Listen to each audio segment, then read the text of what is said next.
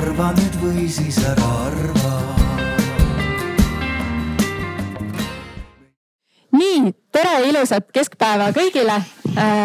tere tulemast rohekoostöö alale kuulama ja arutlema teemal, kuidas näeb välja kohalik kestlik areng ja, ja põhimõtteliselt olete jõudnud kohta, kus me räägime teemal, ilma milleta pea kõik teised Arvamusfestivali teemad on mõttetud. et kui me ei tegele kohaliku kestliku arenguga, siis meil varsti ei ole üldse mitte millestki enam rääkida.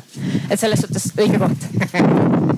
Ähm, ja, ja ma loodan, et see arutelu saab olema inspireeriv nii äh, kohaliku omavalitsuse, kohalikes omavalitsuses töötavatele ametnikele kui, äh, kui kõigile teistele, kes me paratamatult elame mõnes kohalikus omavalitsuses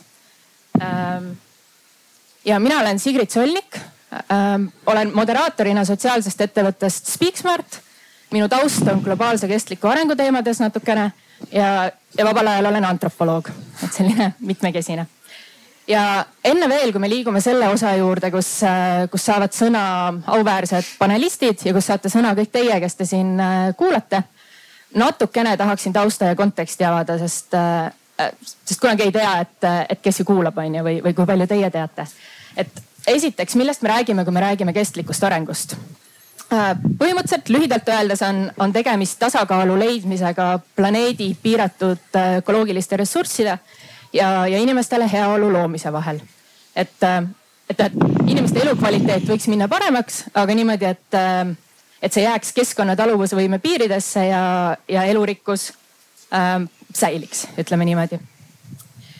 ja, ja mis on veel selle arutelu mõttes oluline, on see, et Rohetiiger, kes on meid kõiki siia kokku kutsunud, on loonud kestliku arengu äh, soovitused kohalikule kogukonnale äh, ja need soovitused on mõeldud selleks, et tõugata tagant kohaliku tasandi rohepööret.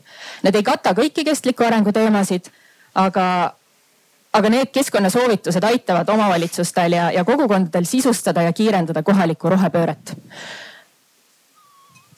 Neid saab lähemalt lugeda sellelt veebiaadressilt ja kui te oskate QR koodi kasutada, mida noh, mina näiteks ei oska, et äh, siis siin on siuksed flaierid, mida saate võtta ja pärast äh,, pärast ka lähemalt uurida, et me ei hakka kõiki neid soovitusi ette lugema. aga laias laastus nad puudutavad pea kõiki valdkondi, mille eest kohalikud omavalitsused vastutavad. ehk siis elurikkust, energeetikat ja kliimat, jäätmeid ja ringmajandust, koosloomelist valitsemist, rohehankeid, maakasutust ja planeerimist et siuksed äh, argiteemad, aga üliüliolulised. ja, ja mis veel nende soovitustega on, on see, et nad on erineva mõjuga. Äh, et seal on, seal on keskkonnategusid, mis on hästi suure mõjuga ja keskkonnategusid, mis on suure mõjuga. et noh, näiteks lihtsalt tuua, et hästi suure mõjuga keskkonnategu on, on see, kui, kui omavalitsus määrab üldplaneeringus alad, mida hakatakse kasutama taastuvenergia arendamiseks või kui omavalitsus muudab äh, nelja aasta jooksul kõik hanked rohehangeteks et sellel on noh hästi suur mõju on ju rohepöörde kontekstis. lihtsalt mõju äh, või noh, suur mõju, aga mitte nagu kõige suurem mõju on näiteks sellistel asjadel nagu kogukonnaaedade loomine või, või see, et äh, omavalitsus kehtestab nõuded äh, keskkonnahoidlike ürituste korraldamiseks. ja võib-olla noh mis siin veel oluline on, on see, et äh, valitsustevahelise kliimamuutuse nõukogu viimane raport, äh, mis tuli siin vist augusti alguses on ju välja ütleb, et kui enne loodeti kliima soojenemisele tõmmata piir enne seda, kui see jõuab ühe koma viie äh, kraadise temperatuuri tõusuni, siis noh, nüüd on ikkagi suhteliselt kindel, et äh, kahe tuhande kolmekümnendate aastate alguseks tõuseb keskmine temperatuur või õhutemperatuur soojeneb ühe koma viie kraadi võrra. mis tähendab seda, et juba ülehomme on päris halvasti. Ähm, aga samas on ju teadlased ütlevad ka, et kõik, mis me kliimamuutuste pidurdamiseks ette võtame, tasub ennast ära. et noh, et, et meil on nagu valida, et kas läheb nagu natuke halvemaks või läheb väga palju halvemaks, et, et siis pigem valiks selle, et läheb natuke halvemaks. ja kõigele sellele mõeldes nüüd te näete, et siin, siin toolidel on äh, roheline ja kollane postit, värv tegelikult ei ole oluline, aga ma palun kõikidel, kes meid kuulavad võtta endale, võtta endale üks paberilipik, see postit ja ja kirjutada sinna, et mida te tahaksite kodanikuna, et teie omavalitsus kestliku arengu heaks ära teeks. et kus iganes te elate. et mis, kuidas teile tundub, mis võiks olla see asi, mida, mida kohalik omavalitsus võiks teha? pane kirja ja sina võid ka kirjutada teile. ja tulge julgelt tagantpoolt ettepoole oma siin soove avaldama. ei, ei värvil ei ole vahet. see oli lihtsalt selleks, et kõik hästi segadusse ajada. nii, ma palun pärast teil need postitid siia jätta, et siis me saame need, need kokku koguda ja, ja alles hoida. aga kas mõni julge on nõus ka jagama, et mida te sooviksite? või ma lihtsalt tulen ja pistan mikrofoni kellelegi pihku ja siis Äh, minu omavalitsus on Viimsi omavalitsus ja ma sooviksin, et äh, seal toimuks natukenegi selle äh, elamu, korterelamute arenduste pidurdamine, sest neid on liiga palju, inimesed ei mahu ära. siis ma soovin, et ühistransport toimiks paremini ja ma tahaksin kogukonnaaeda Viimsisse. super, aitäh äh,. minu kohalik omavalitsus on Tallinna kesklinna siis äh, pigem siis lihtsalt ongi mingi linnaruum, et see oleks natukene lihtsamini kõnnitav näiteks, ei peaks ootama liivalaial pool tundi, et üle tee saada ja siuksed asjad, et võib-olla oleks natuke meeldivam mitte autos olla. super. tervist, äh, Tallinna elanik ehk siis minu kodu on ka Tallinn. Äh, ja kindlasti sooviks, et äh, kui ka tekivad uusarendused, et ka sinna tuleks rohkem rohelisi nii-öelda alasi, puid, et istutada, et mitte tekivad ainult majad, aga seda rohealade suurendamine, autoliikluse koormuse vähendamine. aitäh tere, mina olen kohalik Paidest ja ka mina soovin, et, et linn looks infrastruktuuri, et autoliiklust vähendada. et kuigi siin pole liivalaia ristmikku, aga suhteliselt nõme on ikkagi jalutada ja rattaga sõita. ja üks pisem asi, et linn loobuks lihtsalt rumalustest nagu näiteks kuuma laine ja põuaga muru niitmisest. Äh, nii, Kairi ka. Aitäh, mina olen ka tallinlane, suht sama, et äh, oleks mugavaid äh, ratta, rattaga liikumise võimalusi mitte siis sportimiseks, aga äh, vajalike sõitude tegemiseks e,. siis mina ise igatseksin ka kodulähedasi pakendivabu poode, mis võiksid olla, need on praegu väga raskesti kättesaadavad minu jaoks. ja võib-olla ka siukseid kogukonnaaedasid või selliseid keskusi, kus kogukonnad kuidagi rohkem saaksid koonduda ja tutvuda ja ja minu kodulinn on Tartu ja mina sooviks, kuna ma armastan liigelda ka jalgrattaga, et meil oleks jalgrattaga liiklemine turvalisem ja tõesti oleks seda rohkem. ja ma sooviks ka seda, et me saaks äh, prügi mugavalt ära viia ja eelistaksin viia, et ma lähen poodi, siis ma viin ka prügi sinna konteinerisse ära ja siis, et see oleks nagu hea, kuigi meil on jäätmejaamad väga hästi korraldatud. aitäh, Tõnis, ma loodan, sa kirjutasid üles selle endale. ja prügimajandus nii, aitäh kõigile, kes, kes, kes jagasid ja ärge siis neid postiteid kotti pistke, vaid jätke need siiasamma tooli peale. ja nüüd äh, vaatame siis, mida, mida eesrindlikumad Eesti omavalitsused ette võtavad või juba teinud on selles äh, rohepöörde kontekstis. ja, ja minuga koos on siin äh, poodiumi peal äh, neli, neli omavalitsuse esindajat. meil on Priit Põldmäe, kes on Rae valla planeerimise, ehitus ja keskkonnavaldkonna abivallavanem seal, siis meil on äh, Siim Meeliste, kes on äh, Võru linna arendusosakonna projektijuht. siis meil on Kerli, Kerli Laur, kes on Saku valla keskkonnaspetsialist ja on Tõnis Arjus, kes on Tartu linna arhitekt ja ruumiloomeüksuse juht. tere äh,. jah. ja minu avaküsimus äh, on see, et äh, et meil kõigil on oma lemmikud, on ju, erinevates kohtades, erinevates teemades ja ma küsin teilt, et milline on teie jaoks rohepöörde kontekstis kõige südamelähedasem teema? kes iganes tahab alustada, saab äh, seda öelda. Tõnis, sa oled no, siukse alustaja okay. näoga seal no iseenesest juba siin kodanike käest nii-öelda juba, juba tekkis nüüd võtme, võtmepunkte päris palju, mis, mis meid kõiki ühendavad, et ma arvan, et keegi üksteisele vastu ei vaidle, et need ongi need ühed põletavad teemad. aga mida selle taga tuleb näha, justkui rääkidagi rattaliiklusest ja avalikust ruumist, et, äh, et see tõesti puudutab meid kõiki linnades väga palju. Äh, ehk siis transpordisektor, sest et selle mõju ei ole lihtsalt see, kuidas me liigume ühest kohast teise, vaid selle mõju on väga ulatuslikult, kuidas me oma linnakeskkonda või vallakeskkonda tajume. milline on see avalik ruum seal ja kui palju meil seal ruumi tegelikult ka mitte lihtsalt liikumiseks, vaid olemiseks, koostöö tegemiseks. et ma alati, kui ma mis tahes ettekannet teen, siis ma alati alustan sellest, et linnad on milleks loodud, selleks, et inimesed saaksid kokku tulla inimesed saaksid kokku tulla. mitte selleks, et äh, punktist A punkti B sahiseda. ja see on koostöökoht, linn on koostöökoht ja seal mängib rolli tõesti hea ja mõnus tihedus, et, et võimalikult palju erinevaid inimesi kokku saaks. ja, ja koostöö ei toimu tõesti liikudes, vaid koostöö toimub ikkagi kohal olles ja meil on vaja mõelda just nimelt ka avalikust ruumist kui kohal olemise ruum ja, ja kui me räägime ka siis rattateedest ja rattaradadest, see küll justkui on nagu ainult mobiilsuse küsimus, aga tegelikult kui me vaatame neid linnasid, kus äh, on arendatud osavalt äh, rattateid, et siis tegelikult selle kõrval me näeme ka seda, et inimesed aktiivsemalt kasutavad oma linnaruumi. seal on rohkem ka kohvikuid, poed, poode avanevad otse tänavale, aktiviseerivad seda linnaruumi ja sealt tekib eraldi veel suurem nõudlus ka rohkem linna haljastusele ja nii edasi ja nii edasi kõigile nendele positiivsetele nähtustele mm. -hmm. aitäh, Siim ma ütleks, et äh, väga huvitav, et sa välja tõid, et sul vaba, vabal ajal oled antropoloog, et ma, mulle meeldib mõelda, et ma olen nagu tööalaselt antropoloog.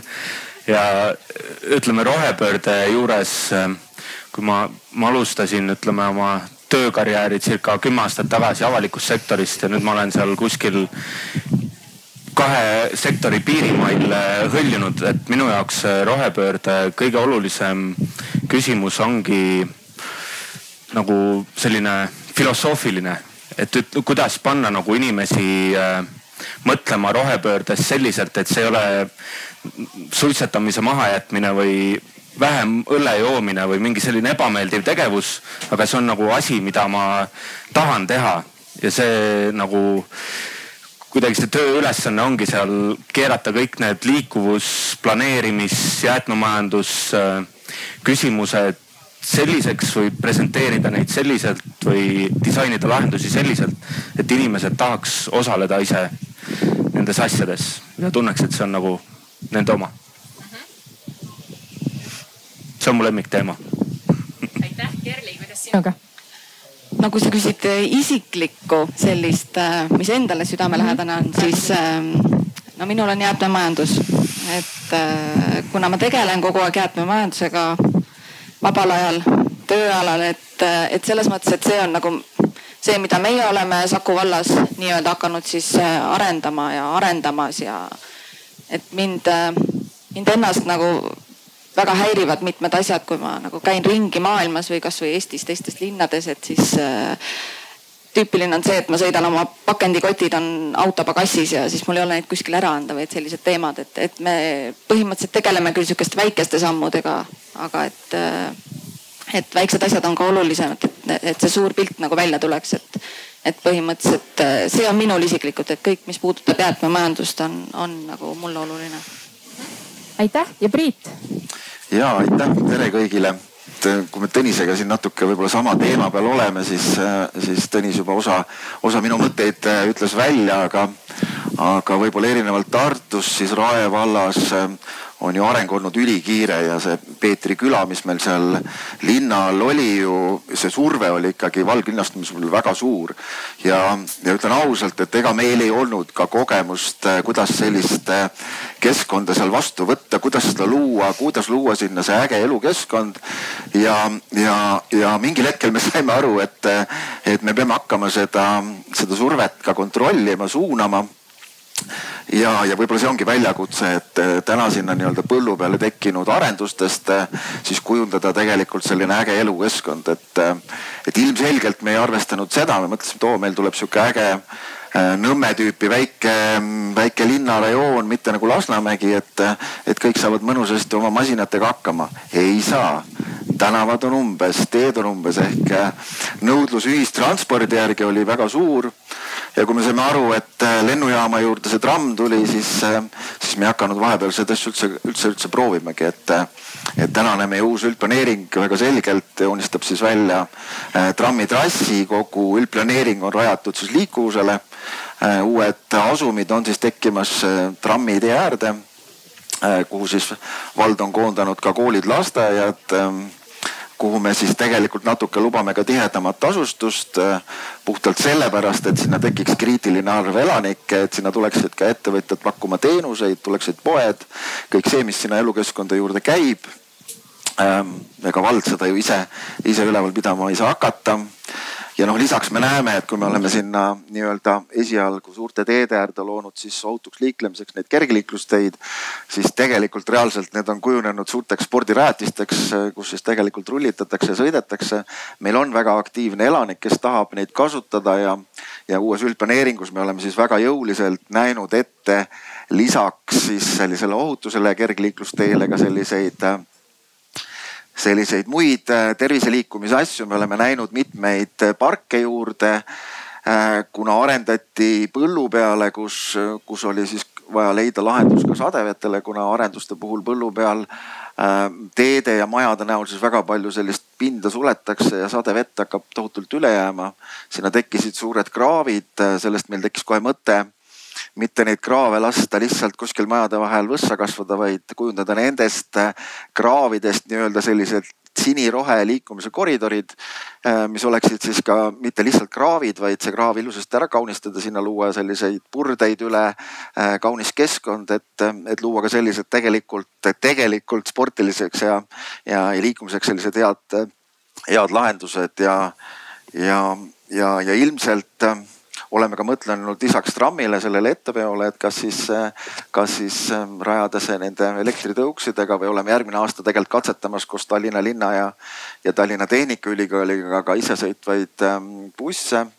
meil oli kaks valla sotsiaalautot, mis olid oma aja ära elanud ja ja need me viis, viisime Tehnikaülikooli, kus me siis ehitame nad ümber isesõitvateks bussideks, proovime neid katsetada etteveol, aga, aga mis me oleme ka veel mõelnud, ähm, et ega ega lihtsalt panna busse kuskile, kuskile käima, kus nad peaksid võib-olla hõredamast kohast tulema ja, ja, ja tihedamasse kohta jõudma, tundub ka nagu pointless, et, et me oleme väga tõsiselt mõtlemas nõudepõhisele ühistranspordile, mis tähendab seda, et, et kui inimesel on vaja kuskil liikuda, lähete teatud keskkonda, annab oma soovist teada ja siis eh, selle info põhjal siis kujundatakse igapäevaselt erinevalt need bussiliinid ja, ja, ja koormus võib-olla sellisele keskkonnale peaks selle olla väiksem noh, ma võin siin palju sellest, sellest teemast rääkida, aga anname teistele ka sõna.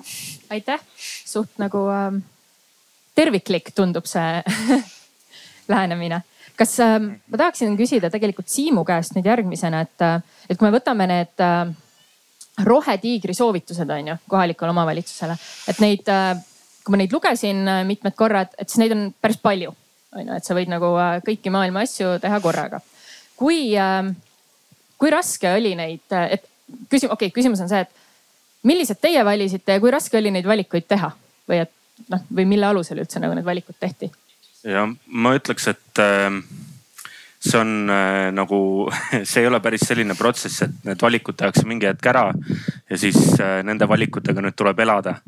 et äh, mis Võru linnas nagu poolkogemata juhtus, äh, oli see, et me Võru linn sattus ühte projekti, Euroopa Liidu projekti ja siis neil mingi hetk hakkas endal äh, inimtööjõudu väheks jääma selle projekti jaoks. teemad muutusid natuke liiga spetsiifiliseks ja värvati linnainimesi juurde, kaasa arvatud mind. ja see projekt ise tegeleb äh, positiivse, positiivse energia kvartalitega ehk siis nii-öelda tervikliku kvartali planeerimisega suurtes linnades niimoodi, et need kvartalid ei tarbiks energiat, vaid pigem toodaks energiat. ja ma ütleks, et äh, see teemade valik äh, ka seal Rohetiigri soovituste kontekstis, see nagu äh, ta no ütleme, eraldi väärtus on need soovitused läbi käia ja neid nagu iga natukese aja tagant uuesti üle vaadata et ütleme, Võru linn praegu kavandab ähm, kestlikku arengut aastaks kaks tuhat viiskümmend. ja miks ma seda äh, ütleme, ütlesin, et antropoloogia on mu eriline huvi. seal ütleme, see kaks tuhat viiskümmend visioon äh, ei ole mõeldud nagu rakendusplaan või tegevusplaan või action plan, et me nüüd, meil on Rohetiigri soovitused, meil on visioon. me nüüd teeme neid ja neid asju ja siis me jõuame sinna. vaid tegelikult nagu me oleme astunud sammu tagasi, me saame oma EL-i partnerite abil nagu väga palju väärtuslikku infot, kogemusi, näiteid. et alustada sellest, et kui me teeme kestliku omavalitsuse visiooni aastaks kaks tuhat viiskümmend, siis mida nagu see selle inimese jaoks tähendab, kes seal omavalitsuses elab. ehk siis näiteks, kui siin on nõudluspõhisest ühistranspordist juttu, seda võib ju nii-öelda kirjutada mit, mitme nurga alt. selle võib kavasse kirjutada selliselt, et me tahame hoida kokku kasvuhoonegaasi tonne. me tahame hoida kokku kütust, me tahame hoida valla raha kokku. no mida iganes, eks, aga kuidas inimene nagu sa saada kuidagi sellesse positiivselt kaasa mõtlema, on võib-olla see, et näiteks öelda, et nõudluspõhise ühistranspordiga ta saab nagu endale sobival ajal paremini, kiiremini, mugavamalt jõuda sinna, kuhu tal jõuda vaja on. mitte rääkida üldse nendest äh, kasvuhoonegaaside tonnidest nii palju, mitte rääkida valla eelarvest, vaid sellest, kuidas see nagu üksikisiku või indiviidi jaoks oluline on. ja kui me neid Rohetiigri soovitusi ka vaatame, siis see on nagu meie jaoks selline töödokument või checklist. et vaadata linnas neid, need asjad läbi, äh, mõelda, millised on meie inimeste jaoks äh, relevantsed, olulised ja siis püüda neid kuidagi mingis hilisemas faasis tegevustega sisustada ja viia need nagu üksikinimesteni. sellised positiivsed tegevused ma siin vahepeal lülitan mikrofoni välja, sest muidu tuul puhub mikrisse ja siis äh, ei saa seda sisse, et sellepärast ma siin vahepeal äh, pusserdan selle mikrofoniga ise äh,.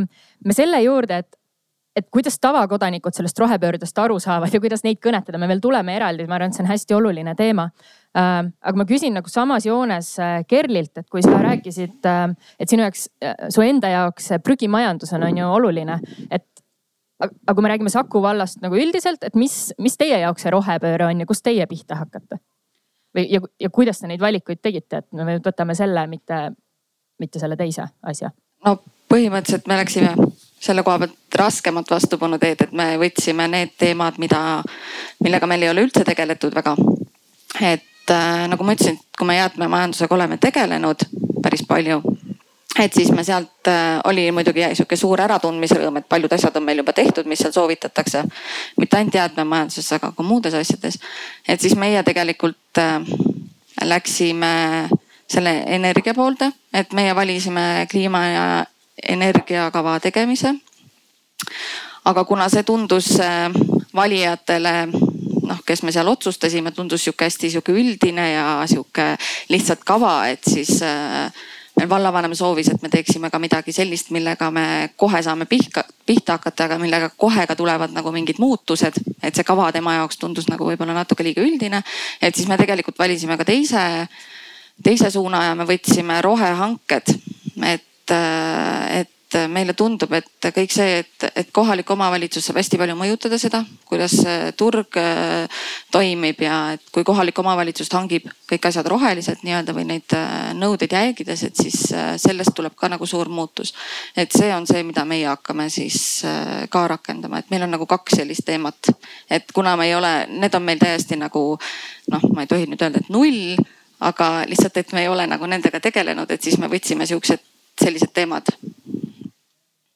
Et oleks kohe alguses sihuke korralik puremine. et oleks kohe raske mm. et oleks kohe raske, et ei hakka nagu minema, et noh, need kogukonnaaiad ja need jäätmeasjad, et neid juba me niimoodi mingilt maalt teeme, et siis need on nagu natukene juba siuksed, et see oleks nagu ebaaus, et võtame need, mis meil on natuke tehtud ja siis me saame nagu oo finiš. et, et siis me võtsime kohe nagu siuksed, mis, mis tulebki täiesti nullist alustada ja mis on meile nagu hästi suur õppekoht okei okay., Priit, kuidas teil seal Rae vallas selle äh, kerguse ja raskusega on, et, äh, et kõik need asjad, mis te olete ette võtnud, et kui suur väljakutse see on, et kas oleks saanud minna ka niimoodi kergema vastupanu teed või saab veel, saaks veel teha rohkem? oh jah, ütleme niimoodi, et ega meil, meil see arengusurve on olnud nii suur on, mis on võtnud enamuse meie ajast äh, tegelikult sellest, et lihtsalt hakkama saada, aga, aga ma arvan, et see teisitpidi on aidanud, on, on meid motiveerinud palju tegelema vaatama kõiki asju iga nurga alt, saadma neid kogemusi, olgu need siis kas positiivsed või negatiivsed, mis ju tegelikult peaksid andma siis hea visiooni tulevikuks, et, et kui siin Kerli ütles, et nemad on, ma ei tea, kas teil on siis see energiakava ja kliimakava nüüd valmis või? Meie, meie otsustasime, et me hakkame tõepoolest ka lisaks kõigile muudele arengukavadele seda koostama. ja mina küll ei tahaks, et see meile mingi igav ja mõttetu dokument tuleks, et, et vastupidi, ma, ma kaasan sinna oma elanikke, ma kaasan oma ägedaid töötajaid, ma tahan, et see tuleb väga eluline ja, ja, ja, ja, ja et seal oleks ka palju sees, et ega ütleme niimoodi, et ega mingi kärestikluse jõgesid meil ei ole, kust elektrit toota. tuult vist ka nagu öeldakse, väga palju ei ole, et, et võib-olla see võib-olla see päikseenergia on selline, selline, kust võiks, võiks abi saada ja, ja mul jätkuvalt närib, närib hinge see, et kui seda Rail Balticut meile tehakse ja, ja selle jaoks reserveeritakse meeletud maad, et ma ikkagi ei saa aru, miks ei võiks sinna tsooni siis ka kohe panna need päiksepaneelid mis, mis niikuinii see tsoon on selline, kus, kus on seal palju midagi teha ei saa, aga päiksepaneelid võiksid sealt vabalt olla ja, ja, ja seal on ju see rong kohe tarbijana olemas, et minu arust väga-väga roheline idee, aga ma ikka ei saa aru, miks keegi ei ole selle peale tulnud, et seda nagu kasutada, et aga see mõte on nüüd dokumenteeritud ja jõuab äh, paljude vaatajateni. aga äh, siin on, siin nüüd jäi kõlama kaks märksõna, et äh, üks on see, millest Siim rääkis, et nad poolkogemata koperdasid äh, mingis projektis äh, ühe teema otsa. ja teine on, äh, on see, mida Priit just ütles, et, et see arengusurve on olnud nii suur, et sa lihtsalt nagu noh, pead midagi tegema, on ju, et. ja ma nüüd küsin Tõnise käest, sest noh, Tartu on Eesti kontekstis, mulle tundub, räägitakse kui sihukesest hästi eeskujulikust nagu kestliku arengu linnast, on ju või noh, mulle on jäänud nagu, nagu kõlama kuidagi sihuke, et näed, Tartus ikka noh, tehakse nagu hästi. et, et kuidas kui palju Tartus on nagu koperdatud juhuslikult teemade otsa ja mm., mm ja kui palju on seda olnud, et noh, väljaspoolt tuleb mingi paratamatu surve, et noh, nüüd peab tegema ja kui palju on seda olnud, et kuulge, et see on tõesti hea mõte, et hakkame siit rahulikult pihta ja mm., ja ei koperda ja planeerime ja nii. ma võiks tuua mõlemat poolt näiteid, üks on koperdamine ja teine on oh,. väga hea, too näited on head et planeerimisvaldkonnas ma arvan, et üks parim näide on Tartu kesklinna üldplaneeringu algatamine ja teine on siis kliimakava, millest juba ka juttu oli, et meil on kliimakava nüüd ka kehtestatud äh, kevadest. aga mis puudutab siis kesklinna üldplaneeringut, siis see oli reaalne äh, mitte lihtsalt reageerimise protsess, vaid planeerimise protsess, sest mida me nägime, see oli kuskil seal kaks tuhat kümme, kaksteist kanti, kui oli näha selgelt, et valglinnastumine mõjutab Tartu südame ja Tartu linna toimimist väga kehvasti tuul hakkas ulguma, heinapallid lendasid ringi, ärid panid kinni ennast kesklinnas ja läksid Lõunakeskusesse. ja, ja see on see, millele tegelikult me just nimelt planeerimisvõtetega reageerisime, võtsime väga konkreetselt just nimelt kesklinna piirkonna ette ja hakkasime proaktiivselt siis tooma elu Tartu kesklinna tagasi ja see töötas, et täna me ei saa rääkida sellest, et Tartu kesklinn surnud oleks. et kes suvel on seal käinud, siis oi-oi, hoia alt et raske on seal tööd teha avatud aknaga. Äh, ja, ja see tõesti oli planeerimisprotsess, et hästi palju juhtus sellel ajal. üks osa sellest dialoogist oli näiteks ülikooli paiknemine, et tol hetkel oli ka see suur konflikt, et, et ülikool, kas sa tõesti kolid siit ajaloolisest keskkonnast ära ja lähed, lähed ka põllu peale oma arendusega ja, ja selle dialoogi käigus enne isegi, kui me selle üldplaneeringu kehtestatud saime, otsustas siis ülikool, et jah, me teeme järgmise IT-hoone teemegi just nimelt kesklinna Emajõe äärde, sinna siis see delta maja sündiski niimoodi. ainult läbi heade dialoogide ja, ja, ja sihukese põhjaliku argumentatsiooni, et muidu seda poleks juhtunud, oleks ka Maarja mõisasse kerkinud. teine hea planeerimisnäide on siis tõesti kliimakava. kuigi ta ju kehtestati alles sellel aastal, et äh, tema ootab nüüd siis elluviimist.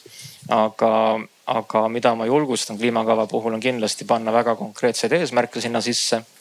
ja mida meie siis panime Äh, olidki näiteks rattateede võrgustik. Äh, põhivõrgustiku rajamine aastaks kaks tuhat kakskümmend neli ja kogu linn aastaks, ma nüüd peast ei ütle, aga ilmselt neli aastat sealt edasi. Ja, ja teine asi on liikuvuskeskused. liikuvuskeskus, see koht, kus sul on siis sihuke mikro või multimodaalne punkt, kus sa saad ühest kohast hüpata teise, et jätad auto maha, hüppad bussi või hoopis hüppad ratta peale. ja nende keskuste rajamine siis linna servadesse ja ka linna keskel selline multimodaalne keskus.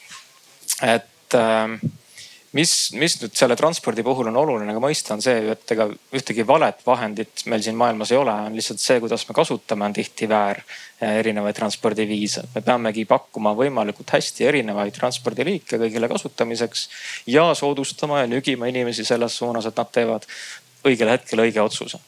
et ma hiljuti just nägin väga nutikas äh, video oli tehtud, ma arvan, et see oli äkki Londonis kus oli sihuke reklaamvideo, kus näidati siis, kuidas sa proovid pudelit avada haamriga või aknaid pesta mingisuguse muu tööriistaga. ja siis tuli mees, tegi suure džiibi pagassi lahti ja pani sinna ühe piimapaki ja siis sõitis sellega.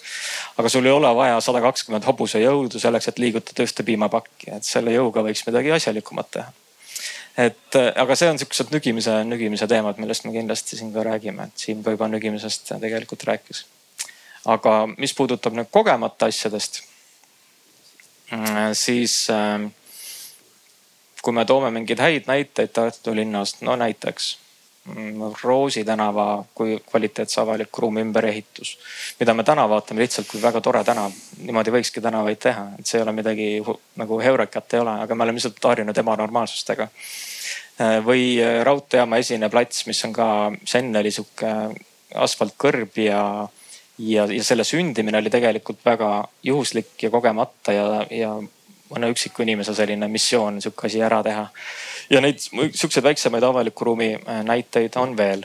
Äh, võib-olla autovabaduse puiestee on ka tegelikult väga hea näide kogemata näitest. Need, kes ei tea, mis autovabaduse puiestee on, et siis on Vabaduse puiestee lõik Emajõe ääres mis ta on umbes nelisada meetrit pikk ja siis suveks üheks kuuks selle sulgemine ja no sulgemine vale sõna, selle avamine kõigile inimestele ja sulgemine ainult autoliiklusele. ja, ja see juhtus äh, tõesti poolkogemata, et see mõte oli meil küll olemas juba mitu aastat tagasi, et me tahame selle kohaga eksperimenteerida, seal toimub suviti hästi palju sündmusi, et me pakendaks ta sihukeseks üheks heaks ruumiks siis ja teeme seal igast sündmusi. aga siis tuli meil see lockdown kõik istusid kodus, kõik sündmused unustati ära, ei toimu seal ühtegi laadapäeva ega mitte midagi, et suve, suvesündmused pandi lukku kõik. ja siis mingi hetk me saime aru, et tegelikult kuulge, varsti ikkagi suvi tuleb, inimesed lähevad õue ka. ja, ja siis on suur vajadus inimestel koos olla, koos aega veeta.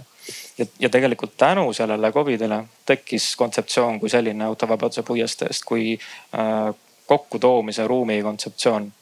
et kole öelda aitäh Covid, aga nii see oli. ja, ja, ja sellest on tekkinud meie arust ka sihuke omamoodi sümbol, mida me ei taha kaotada ja see, see oluline on, et me nüüd hoiame seda sümbolit ja arendame seda edasi, et sellest ei kujuneks lihtsalt tänavafestival, mida tehakse siin ja seal ikka. et ta on ikkagi sümbol sellest, et me vaatame tulevikku äh, kui rohelisemat avalikku ruumi, mida me kõik otsime ja tahame ja kui ma natuke veel võin lobiseda autovabaduse puiesteest. no või... sa saad, ütleme kolmkümmend sekundit. ma tean, see on südameteema sul südameteema, värske ja see punane värv tuletab seda meelde. Äh, aga mis oli selle autovabaduse puiestee õppetund, mida võib laiendada rohepöörde problemaatikasse ka, äh, on see, et äh, kui me seda kavandasime ja sellega esimest korda välja tulime, et me hakkame seda tegema siis no mina käisin järjest kõiksugu komisjonides, kus mind lasti sõelapõhjaks selle eest, et mis asja te teete, linn läheb umbe, pankrotti, ärid panevad ennast kinni.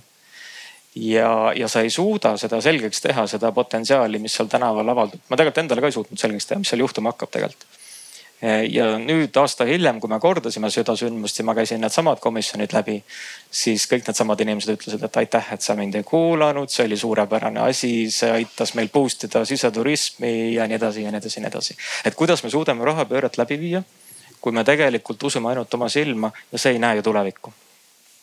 see on see raske, raske, raske küsimus ja ma arvan, eriti kontekstis, kus ka need rohepöörde teemad on siuksed noh, nagu Kerli ka ütles, mingid asjad on nii üldised ja nad on nii nagu mingid ambivalentne kuskil seal üleval mingi kliima on ju.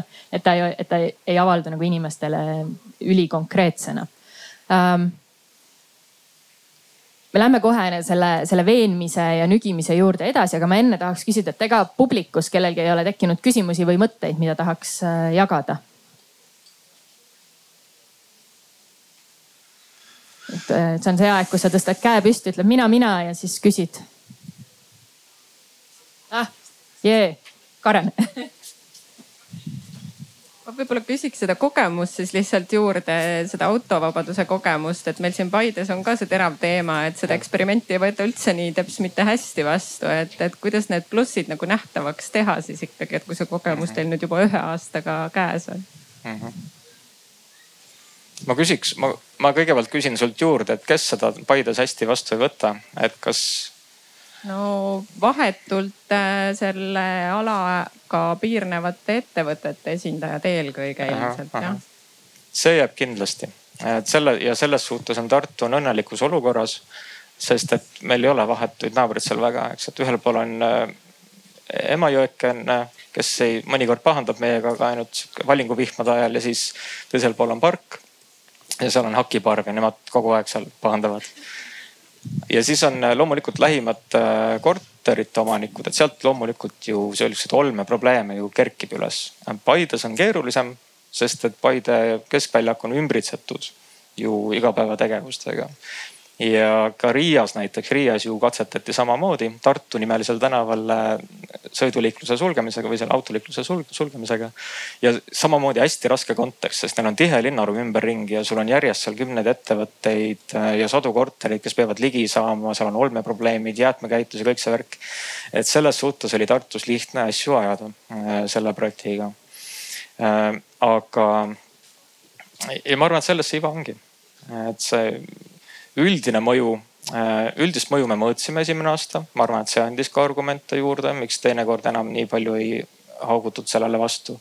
et üks vastuseis oli tõesti siis see, et ärid lähevad kinni, et juhtus vastupidi, et kõik, kes midagi eelmine suvi tegi, ükskõik mis linn või vald midagi korraldas, siis siseturism ju kohe voolas nendesse kohtadesse. Äh, väljapoole keegi väga ei läinud, et iga, iga omavalitsus võitles siseturisti eest ja see mõjus Tartule hästi teine, mida ette heideti loomulikult on äh, ummikud. aga kuna noh, suvi on suvi, kus on äh, langused ja me mõõtsime siis Google'i abil mõõtsime inimeste liikumisteid, et kui palju siis nüüd see alternatiivmarsruut pikendab sinu ajakulu. ja oli üks tipphetk kuu aja jooksul, kus keegi pidi olema autos viiskümmend sekundit kauem kui muidu. ja see oli tipphetk et kui sa selliseid mõjusid hästi konkreetselt välja tood äh, data baasil, et siis äh, mis sa, sa pärast ütled. ja siis kolmas argument on lihtsalt, et see on jama, et mulle ei meeldi see värk, et aga selle vastu ei, ei saa kunagi. Äh, ja siis arvamusuuring pärast seda, et kui sündmuse viimane nädal veel kestis, siis me tegime Emori uuringu. valimis oli, kas oli tuhat või oli viissada inimest, ma ei mäleta, et uurisime nii tartlaste kui ka lähipiirkonna inimeste arvamust. ja, ja see näitas ka, et umbes kolmkümmend protsenti küsitlevat küsitavad, mis see sõna nüüd on, ühesõnaga ei käinud küsitletutest ei käinud äh, kohal. Äh, ja ülejäänud käisid, siis seal oli eri variante, kas sa tulid perega või sõbraga või lapsega. ja, ja siis küsisime seda, et äh, kas teile meeldis. siis umbes kolmkümmend protsenti ütles, et ei meeldinud. noh, siin on kohe korrelatsioon näha, et kes kohal ei käi, sellele muidugi ei meeldi ja, ja mis oli üllatav minu jaoks oli see, et umbes nelikümmend protsenti ütles, et see võiks aasta ringi niimoodi olla nagu meil jäi suu lahti, meil polnud endal ka mõttes sihukest asja. et see on väga-väga suur hulk inimesi. ja data ühesõnaga on see et.... Mm -hmm. ehk siis äh, nagu väitlejad ütlevad, et äh, kui sul, kui sa tahad argumente teha, et sul peab olema tõestusmaterjali, mis võiks on ju inimesi kõnetada mm.. Äh, aga veel üks küsimus sealt. ma ei pannud tähele, kas seda küsimust ennem äh, küsiti, aga aga nii-öelda NIMBY, mis noh, rohepööre laias laastus juhtub kohalikul tasemel, kõik on kohalikus omavalitsuses. ja noh, ütleme, kuidas ületada seda nii-öelda vastasseisu, noh nagu Teaduste Akadeemia president on öelnud, tulevik on tuulik tagaaias. et kuidas see nagu ületada just, noh, see on laiem küsimus loomulikult omavalitsuse tulubaasist ja nii edasi, et noh, need on seotud küsimused aga ütleme, see hoiakuliselt, kuidas ületada sellist nagu vastuseisu või, või kuidas muuta see nagu võimalikuks kohaliku omavalitsuse perspektiivis just mm? -hmm. Siim on sihukese näoga, et vastab. ja ma olen vastaja näoga, see ongi see, millest ma tegelikult alustasin, et vot siit jäi kõlama nagu, et Võru justkui koperdas teemade otsa, eks. aga vaata tegelikkuses see, mis, kui te vaatate nagu enda listi, tegevuste listi eraisikuna, siis laias laastus kõik tegelevad hangetega, kõik tegelevad jäätmemajandusega Äh, transpordikorraldusega on ju, kellel pered on. Äh, ja linnal on ju samamoodi, on äh, ütleme, Võru linn on väike administratsioon, vähe inimesi. valdavalt kustutatakse, kustutatakse tulekahjusid. aga nüüd rohepöördele ei ole eriti aega mõelda, aga ütleme see, kuidas see, mis selle küsimusega nagu seondub ja NIMBiga ongi nagu see narratiivide loomine, et kuidas nagu see rohepööre aitab kohalikul tasandil mingeid asju paremini lahendada. Kui ma lähen näiteks räägin, no ma olen nagu linnavalitsusest väljaspool veidi, nii et ma võin seal inimestele igasugu asju rääkida, et ja halvasti öelda, kui vaja, aga kui ma räägin seal nagu hoonete haldusega tegelevale inimesele, et võtke nagu need rakendused näiteks tellige see teenus sisse, ärge üritage nagu ise teha ja te saate nagu paremad tulemused läbi selle, et teil tekib rohkem aega näiteks äh, oma mingite muude ülesannetega teha, te ei pea hoonete tehnosüsteeme käima vaatamas, ma ei tea, nuppe lülitamas, et noh tehke nagu asi paremaks. et siis see on tegelikult rohepöördest rääkimine, digitaliseerimisest rääkimine, aga kui ma lähen sellesama inimese juurde selle jutuga, et tere, et ma tulin teie tööprotsessi digitaliseerima, siis see nagu noh, see ei mõju, et see nagu tekitab paha tunde lihtsalt, eks. Aga, aga kui nagu näidata läbi seda, selle, et see tulemus tegelikult nagu annab sellele inimesele või kogukonnale midagi juurde, siis see on nagu, see on hoopis teine tera, et Glen, ma arvan, et sa tead, et tuul, tuulikutega praegu üks selline hea protsess on käima lükatud, see on asi tegelikult, millest on noh, kümme aastat räägitud, eks.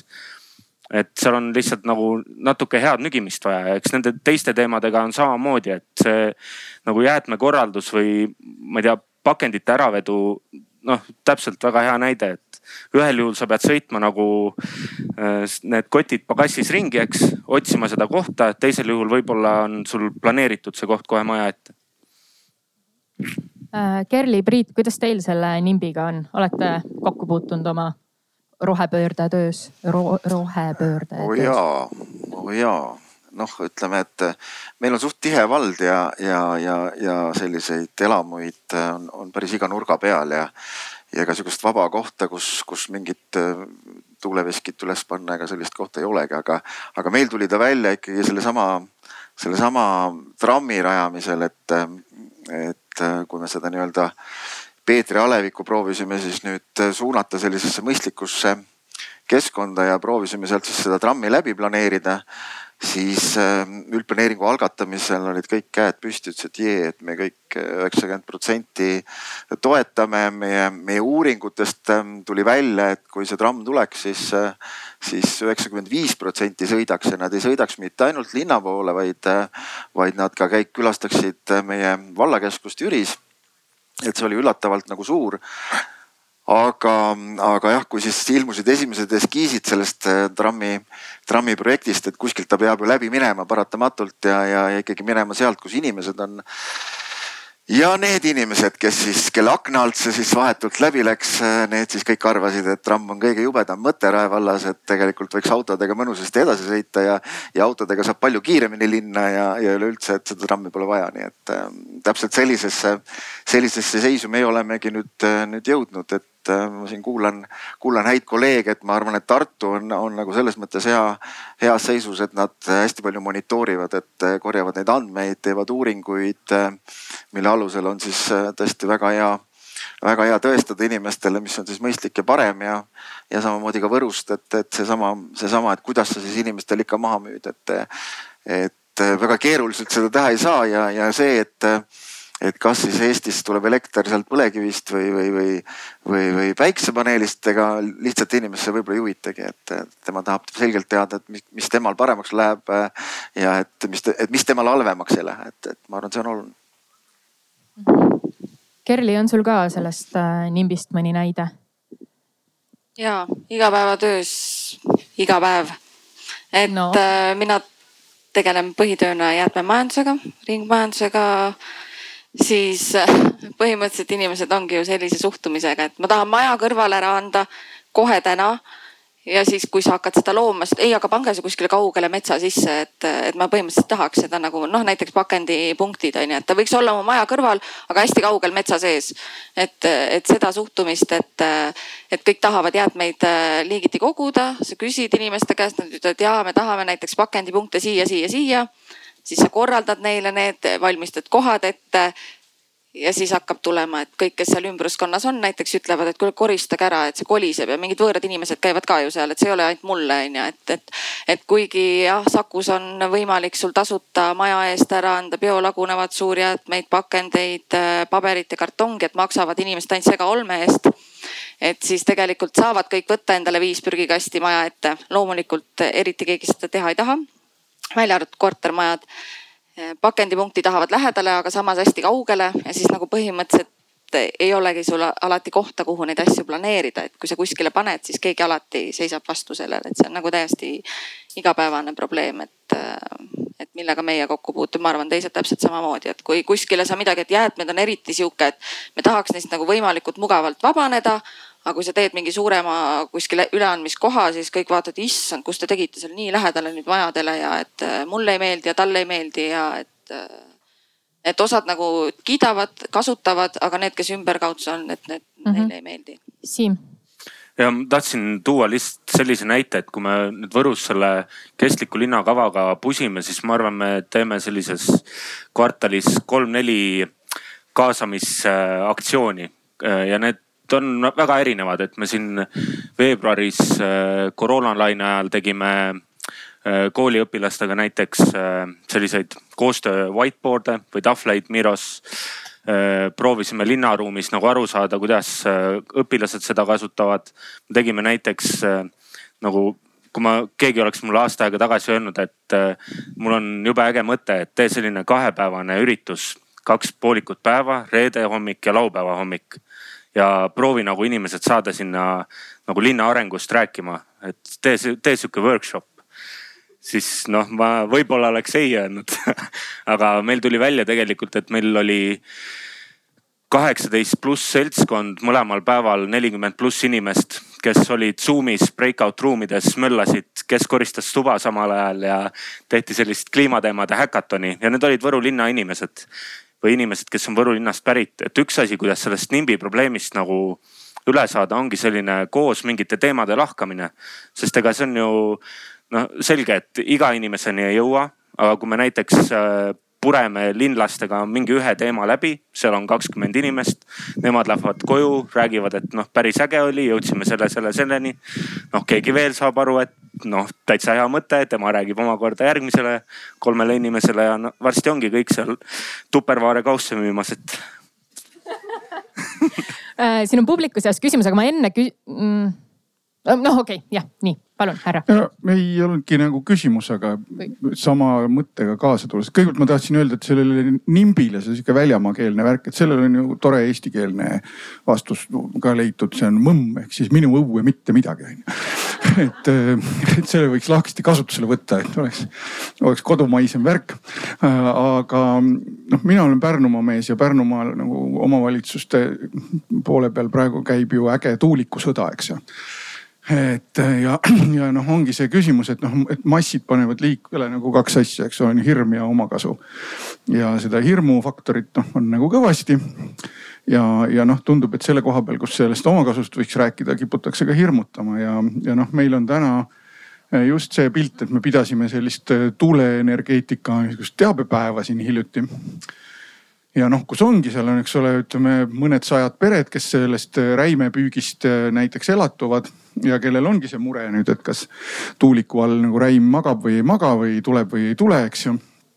aga teisest küljest saabki öelda, et, et noh, seesama, seesama kalaturg nii-öelda noh, on, on Euroopast ja, ja ka Eestis meeletult selgelt reguleeritud asi, see on väga täpselt teada kvoodiga, mitu kala sa tohid mis aastas püüa, püüda, mis see umbes nagu maksab ja, ja noh, kui ongi ühest küljest on nagu kaalul siis nii-öelda mitmemiljardilised investeeringud eh, tuuleenergiasse ja teisest küljest noh, kogu see energeetikakompleksi nagu toimimine.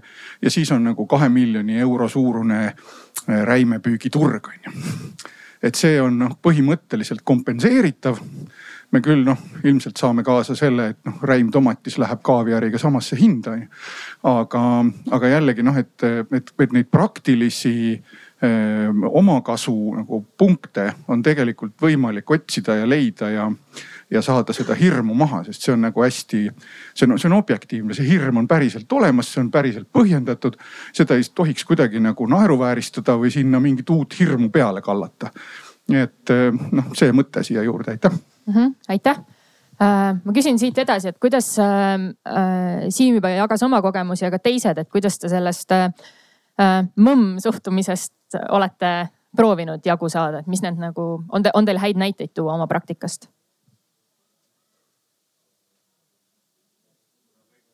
nagu näha ja, ja ongi kõige raskem teema. võib-olla mul endal loomulikult kohe tuleb sihuke avaliku ruumi ja transpordi teemaliseid võrdlusi. vaatame Tartu asemel hoopis Viljandisse, kus tahetakse kergliiklusteed teha uuele tänavale, väga õige mõte. ja seal ei ole üldse küsimus selles, et keegi tahaks äh, puid maha võtta selleks, et teha kergliiklusteed küsimus on selles, et keegi ei taha nendest parkimiskohtadest loobuda seal uuel tänaval, et teha kergliiklusteed. vot vot seal on see äh, mõmina, mõmina räpp äh, käib. ja, ja kuidas selle vastu saada, ega, ega see ongi nagu suhteliselt keeruline ja kui me täna, ma mainisin, et Tartus on ka suured väljakutsed, eks, et rattateede põhivõrgu rajamine aastaks kaks tuhat kakskümmend neli, see on kolme aasta pärast peaks valmis olema. mida põhivõrk tähendab, see on magistraalteed linna läbivad põhitänavad, kus peaks olema nüüd äh, kahes servas nõuetele vastavad turvaliselt eraldatud ratta, rattateed. Ja kui ma täna läheks seda, läheks sinna kaevama nüüd ehitama seda, siis see ei, see ei jõuaks kaugele, eks, et sa muudad, sa muudad harjumuspäraseid äh, koridore justkui üleöö nagu täiesti teistsuguseks ja, ja seda me oleme siin tasapisi kuulnud ka, et jällegi, et linn läheb umbe ja sureb välja ja see ei tööta kunagi ja me oleme aastast viiskümmend seitse harjunud ju sellise olukorraga ja see puudutab äh, väga paljusid tartlasi. kuidas sellest üle saada?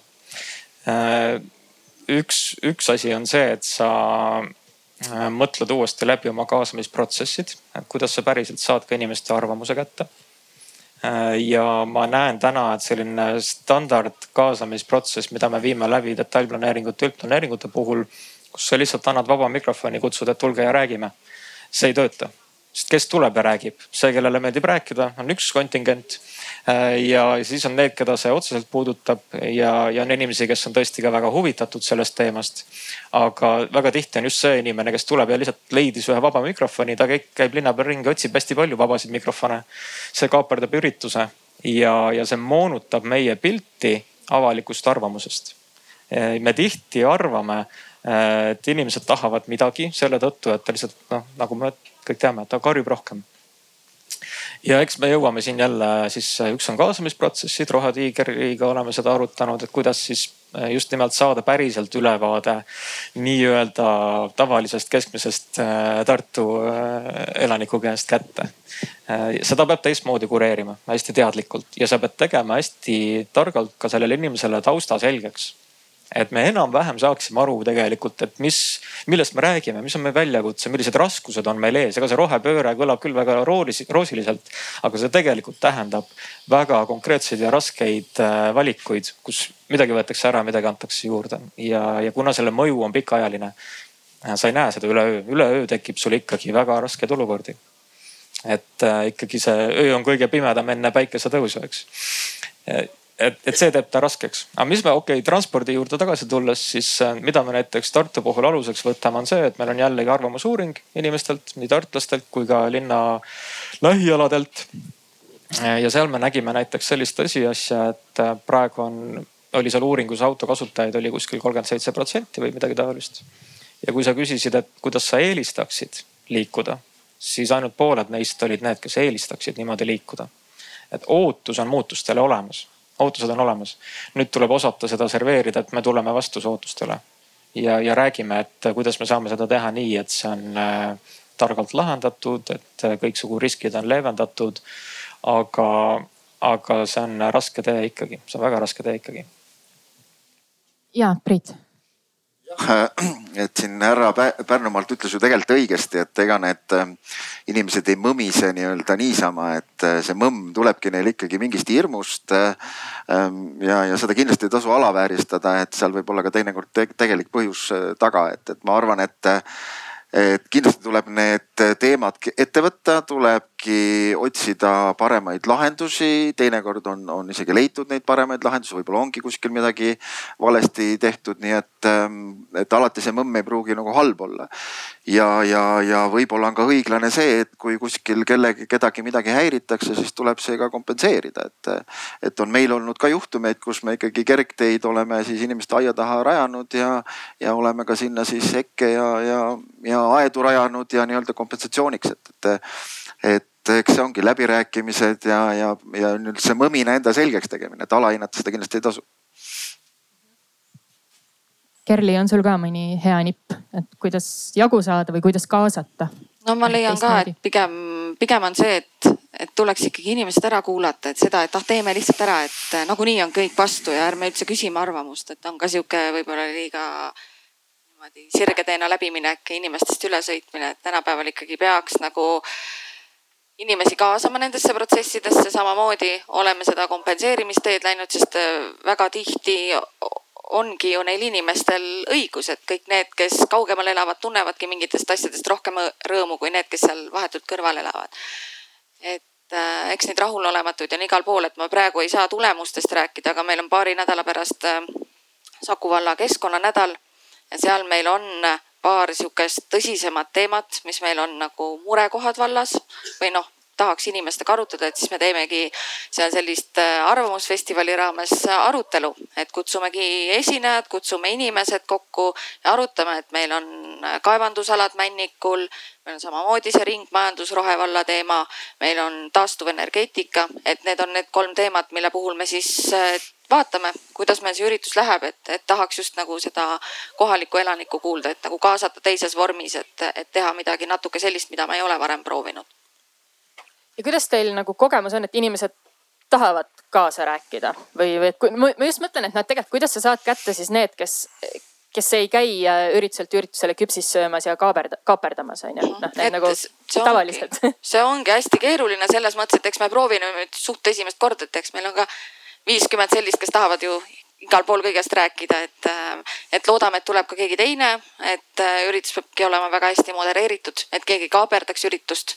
et, äh, et ei tuleks sinna hoopis teistest asjadest rääkima, et tegelikult rusikas taskus nii-öelda hoopis mingeid muid oma isiklikke probleeme sinna lahkama et äh, ja peab olema see kaasamise võimalus mit, mitut moodi, et äh, inimene peab saama osaleda veebis, ta peab mujal saama oma arvamuse anda, mõni tahab ju anonüümselt anda.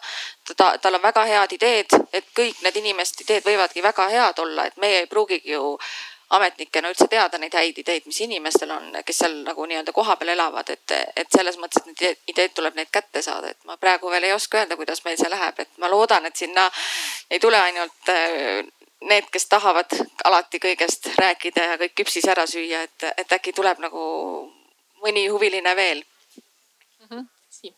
ja meie kogemus sellesama aasta alguse Zoomi üritusega oli tegelikult see, et äh, kui teha nagu selline laivis üritus, siis saabki täpselt need küpsisööjad, sest sa pakud küpsist, onju. aga Zoomis sellist võimalust kahjuks ja õnneks ei ole ja tegelikult meil no Võru on väike linn, eks, ja seal ma ütleks kaks kolmandikku olid inimesed, keda ma ei olnud näinud mitte ühelgi sellisel samalaadsel üritusel. ja noh, nendest oligi näha, et neil olid näiteks noh, kaamerad kinni, aga nad osalesid nagu selles töös. et nad ei oleks tulnud sinna, kus on mingi avalik koht, et nad näiteks nagu siin.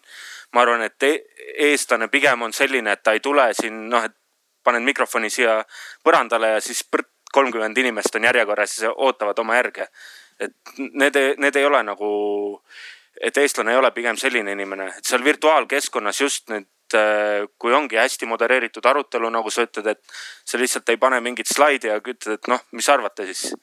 et vaid, vaid sa nagu annad mingeid väikseid tükke, et noh, hakata suurt nagu rohepööret lahti mõtestama ongi raske. aga küsigi täpselt, tee üks seminar, et noh, jäätmekogumispunktid, et mõtleme välja, me tegime näiteks Bolti tõukeratastega niimoodi, noh täna nad Võrus toimivad, aga täpselt me tegime nii-öelda asutuse sees sellise workshop'i, et noh, mitte ei rääkinud sellest, et kuidas me mikromobiilsusstrateegiat hakkame looma, vaid noh, kuhu me need parklad teeme, mis sa arvate, eks. ja noh, paneme sellised väiksed tükid paika ja virtuaalkeskkond üllatavalt hästi töötab ikkagi. Okay.. ähm, ma tahtsin siit, üks asi on see, et kuidas sa nagu veenad ja kaasad, on ju, kodanikke, et, et, et kuidas sa neile, kuidas teha neile see, kuidas rääkida neile rohepöördest nii, et nad saaks sellest aru. aga teine asi või noh, siit johtub mul see küsimus, et kuidas teile tundub, et kumba seltskonda on nagu kergem veenda, kas äh, nii-öelda kodanikke või kolleege sest noh, on ju mõnikord on, on see, et, et organisatsioonis on ju, on see eh, üks inimene või üks osakond, kes, kes saavad aru, et okei okay,, et meil on probleem, et me peame seda lahendama kuidagi on ju läbi rohepöörde. ja siis on kõik need ülejäänud, kes ütlevad, et eh, ei, noh, tuleb teha autoteesid ja siis eh, kasta muru on ju või noh, mis, mis iganes, sest nad on mingis teises diskursuses omadega. et kuidas teil üldiselt kolleegide veenmisega on läinud näiteks noh, ma ei tea, Rae vallas, et kui ja ega mina arvan, et kolleegi ei pea veenma, et see ei ole ju eesmärk, et kedagi veenda või oma mingit arvamust peale pressida, et tegelikult on ju oluline hoopis algatada diskussioon ja diskussiooni pidada väga argumenteeritult ehk, ehk tegelikult tulebki võtta pulkadeks kõik need teemad ja, ja, ja läbi arutada, et kui roheline see miski roheline on. tihtipeale võib-olla mõni asi, mis tundub visuaalselt väga roheline esmalpilgul, et kui hakata seda nüüd diskuteerima ja jõuda, ütleme selle järgmiste etappideni, selgub, et ups, ta võib-olla polegi väga roheline. on sul mõni näide siuksest?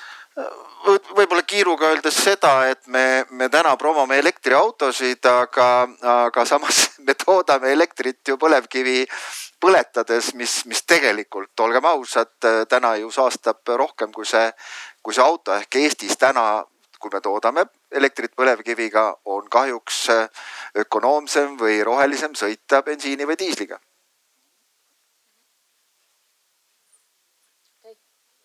tahaks just selle absoluutselt nõus, et kolleege ei pea veenma, aga see nagu ütleme, see ongi natuke see rohepöörde sellise võib-olla seal osalemise, mitteosalemise probleem. et noh, et kas sa oled rohepöördega koos või sa oled rohepöörde vastu. Et sellise nagu niimoodi nagu ei jõua väga kaugele, et noh, kui ma näiteks ütlengi jälle toon mingi näite, et tule nüüd äh, me teeme siin seda oma kestliku linna kava, saavutame rohe, rohepöörde eesmärke. et tule nüüd äh, nagu lao oma mõtted lagedale, et kuidas sa oma jäätmemajandusvaldkonna roheliseks pöörad. et äh, väga halb viis nagu, kuidas arutelu alustada. aga see, see, kas nagu noh, mida inimene arvab näiteks elektriautodest või kliima, inimtekkelistest kliimamuutustest. see ongi nagu selline non-starter, et me ei jõua seal nagu kuhugi selles arutelus. aga kui rääkidagi nagu mingitest konkreetsetest tükkidest, et noh, ma arvan, kõik tahavad paremat jäätmemajandust, ühistransporti, äh, paremat, parema sisekliimaga hooneid. et nagu need on need alustuspunktid ja kui pärast selgub, et ta kogemata nagu osales rohepöördes, siis ju noh, midagi halvasti ei läinud lõppkokkuvõttes. et eks nüüd juhtimine või nagu selline jah, nagu mõtestamine, mis äh, tuleb kuskilt, koordinaatorid, see peab olema sihuke nutikas lihtsalt. et iseenesest ju noh, olgem ausad, väärtushinnangute konfliktid on, et äh, on nad siin laiemalt ühiskonnas ja ilmselgelt ka kolleegide vahel, nad on olemas, seda ei, ei tohi, ei tohi salata aga ma arvan, et see on äh, väga tihti ka mõistetav, inimesed on inimesed, äh, eks, ja, ja ametnikud on, äh, lihtsalt teevad oma tööd ja nad on harjunud oma tavapärast tööd tegema teinekord päris pikki aastaid. ja ega neid inimesi, kes tahaks muutusi tingimata genereerida, neid inimesi on ju ühiskonnas pigem vähe. ja siis, kui juhtub olema see mittemuutuste genereerija teatud kohal, mis eeldaks justkui kaasamõtlemist ja rohepöörde elluviimist, siis see ei, see ei, see ei viigi edasi. ja, ja kuidas siis seda ületada, et äh, linnaruum on niivõrd kompleksne süsteem ka et kui me avalikust ruumist kasvõi räägime, et seal ei saa öelda, et see on nüüd ühe mingisuguse ametniku või ühe osakonna või ühe ameti, oleneb, mis nimetus kuskil omavalitsuses on, et tema ülesannet on, kõik on läbi põimunud aga me oleme ikkagi harjunud omavalitsustes. aga tulge siia ruttu varju alla, siis.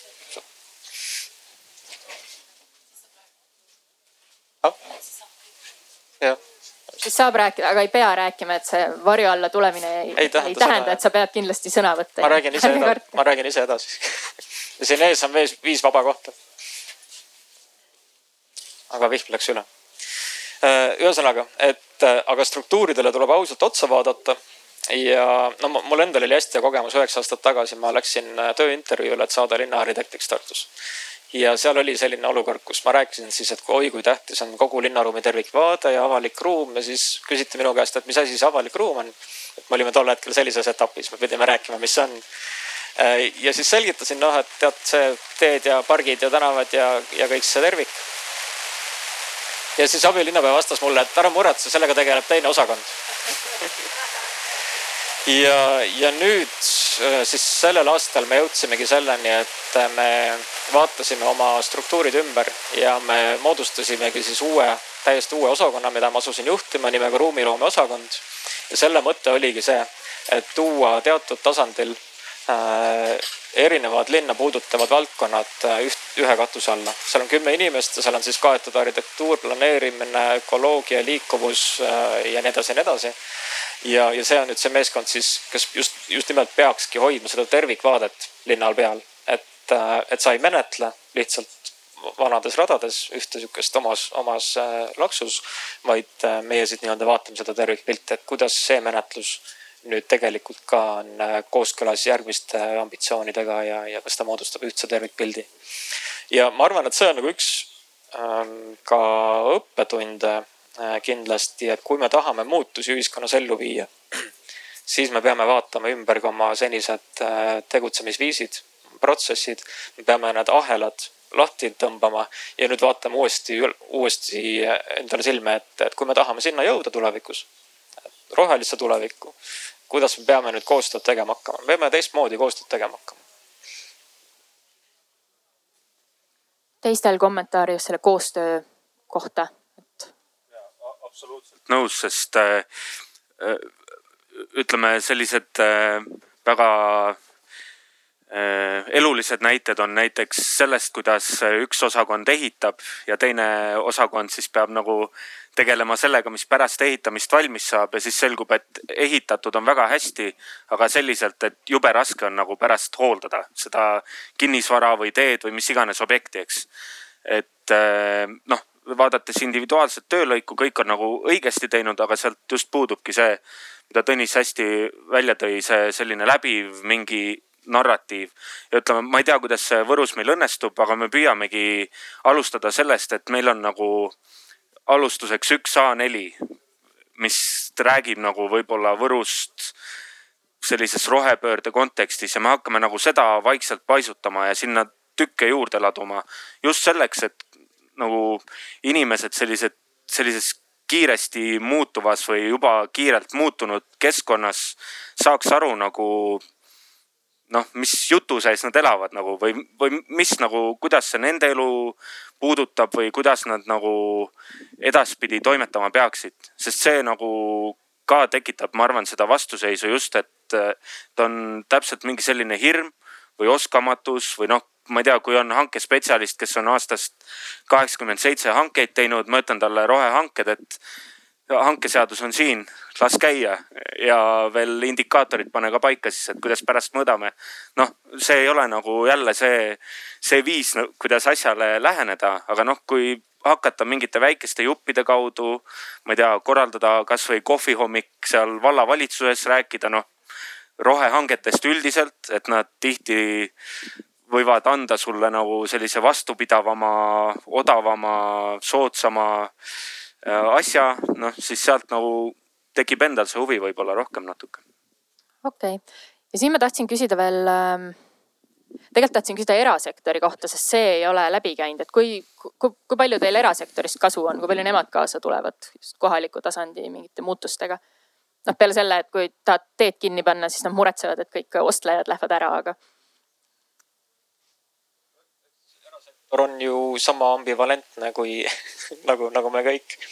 et on väga aktiivseid kaasamõtlejaid ja või ma ütleks, et vaata erasektori võlu, kui me ka rohepöördest räägime, on see, et erasektor suudab äh, ka riskida. tegelikult on avalik sektor kõige hullem koht, äh, kus rohepööret vedada, sest et sa teed uut asja, sa eksperimenteerid, mida see tähendab, sa eksid eks. ja eksimist, oi avalik raha ja, ja kodanik andeks ei anna mitte kunagi. et, et see teeb asja keeruliseks ja sellepärast on ka raske oodata poliitikutelt suuri muutusi. et, et nad vajavad kodanike tuge sest et nad ei, nad ei julge eksida et selles on probleem ja erasektori puhul on teistmoodi, eks, nende puhul liiguvad protsessid kiiremini ja, ja Tartu puhul on küll äh, neid aktiivseid osapooli on päris palju. ka kliimakava koostamisel just nimelt erasektori kaasamine oli väga suur äh, osa protsessist. ja, ja meie kliimakavas on ka sätestatud üks väga ambitsioonikas punkt, mida me alles sisustame. selle nimi on kogukondlik kokkulepe. ja see ühest küljest tähendab kõigi meie äh, nagu kaasamist, mõtleme koos kaasa, et kuidas me saame siis päriselt anda oma panuse. aga kõige suurem ambitsioon ongi seal tegelikult erasektori kaasamine. sest kui me Tartu näitel vaatame, kust süsinikuemissioonide kasv on toimunud, äh, munitsipaalis läheb päris hästi, meil on täna kõik taastuv, äh, taastuvatel allikatel, gaasibussid ja, ja roheelekter. aga erasektoris on see, kus tegelikult emissiooni kasv on olnud väga kõrge. ja eratransport loomulikult, see on see, miks ma transpordist tahan palju rääkida. aga, aga jah, et erasektori kaasamine seal on tähtis ja head eeskujud on seal ka tähtsad Õnneks mulle tundub, et ka Tartu Fortum on väga aktiivne, et ka nemad praegu levitavad oma kaugjahutussüsteemi, mis on super, et igaüks ei pea omal agregaate majja pumpama suurte investeeringutega, vaid et sul on ühtne jahutustoru, siis nemad manageerivad selle ära. et, et selliseid teemasid on ja siis kaugkütte roheliseks minemine on ka muidugi teema aga seal ei maksa pikka diskussiooni praegu minna, sest siis tuleb biomassi jutt ja kõik see mõned uksed on parem jätta suletuks. Priit, kuidas teil, on teil mõni hea näide erasektori? ei ole, vaata niimoodi kiiruga öeldes ei, ole, et äh,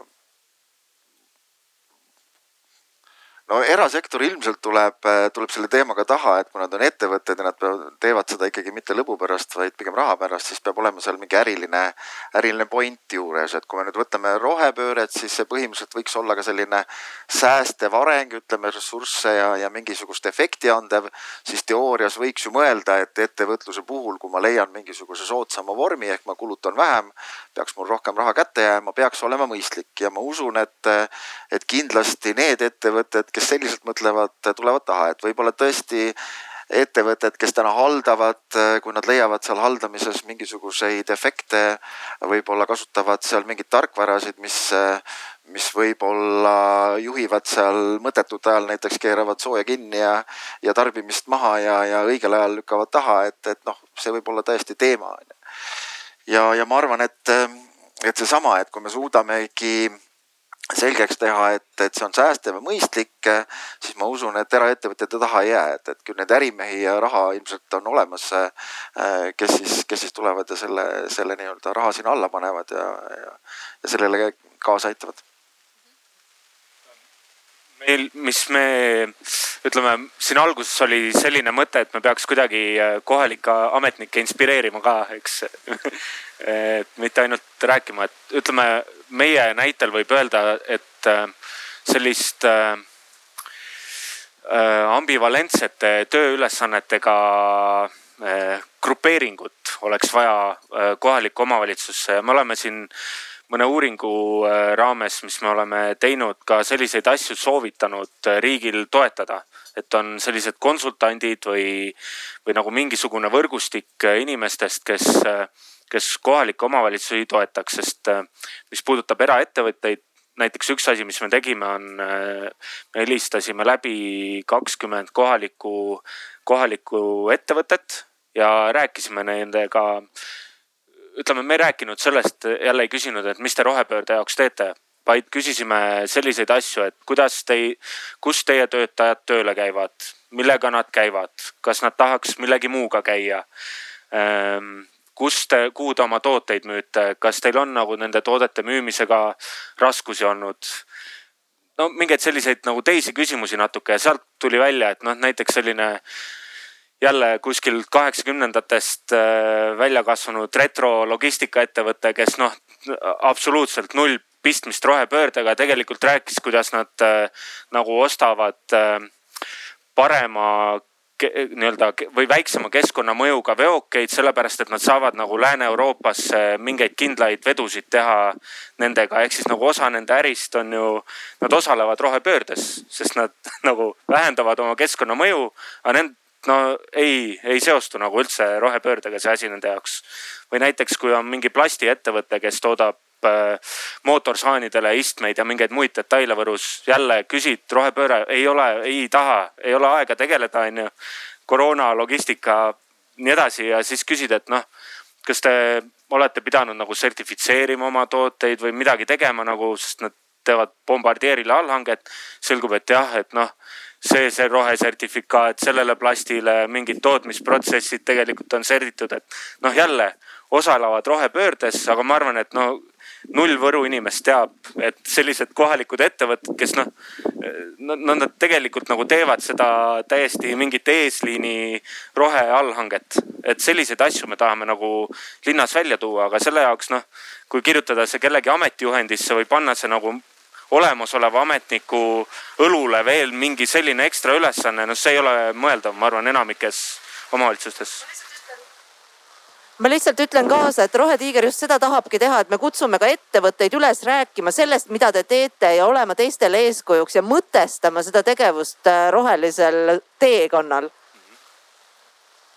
nii ähm,, meil äh, meil see arutelu aega hakkab vaikselt otsa saama, aga ma tahaksin tõstatada veel äh, nagu selle teema on ju, mis inimesi tavaliselt huvitab, et mis siis on läinud valesti ja mis on raske ja, ja kõik need nagu siuksed äh, põhjused äh,, miks seda rohepööret äh, võib-olla mõnikord ei tehta, sest, sest noh, teie olete siin neljakesi on ju, Eestis on kohalikke omavalitsusi natukene rohkem.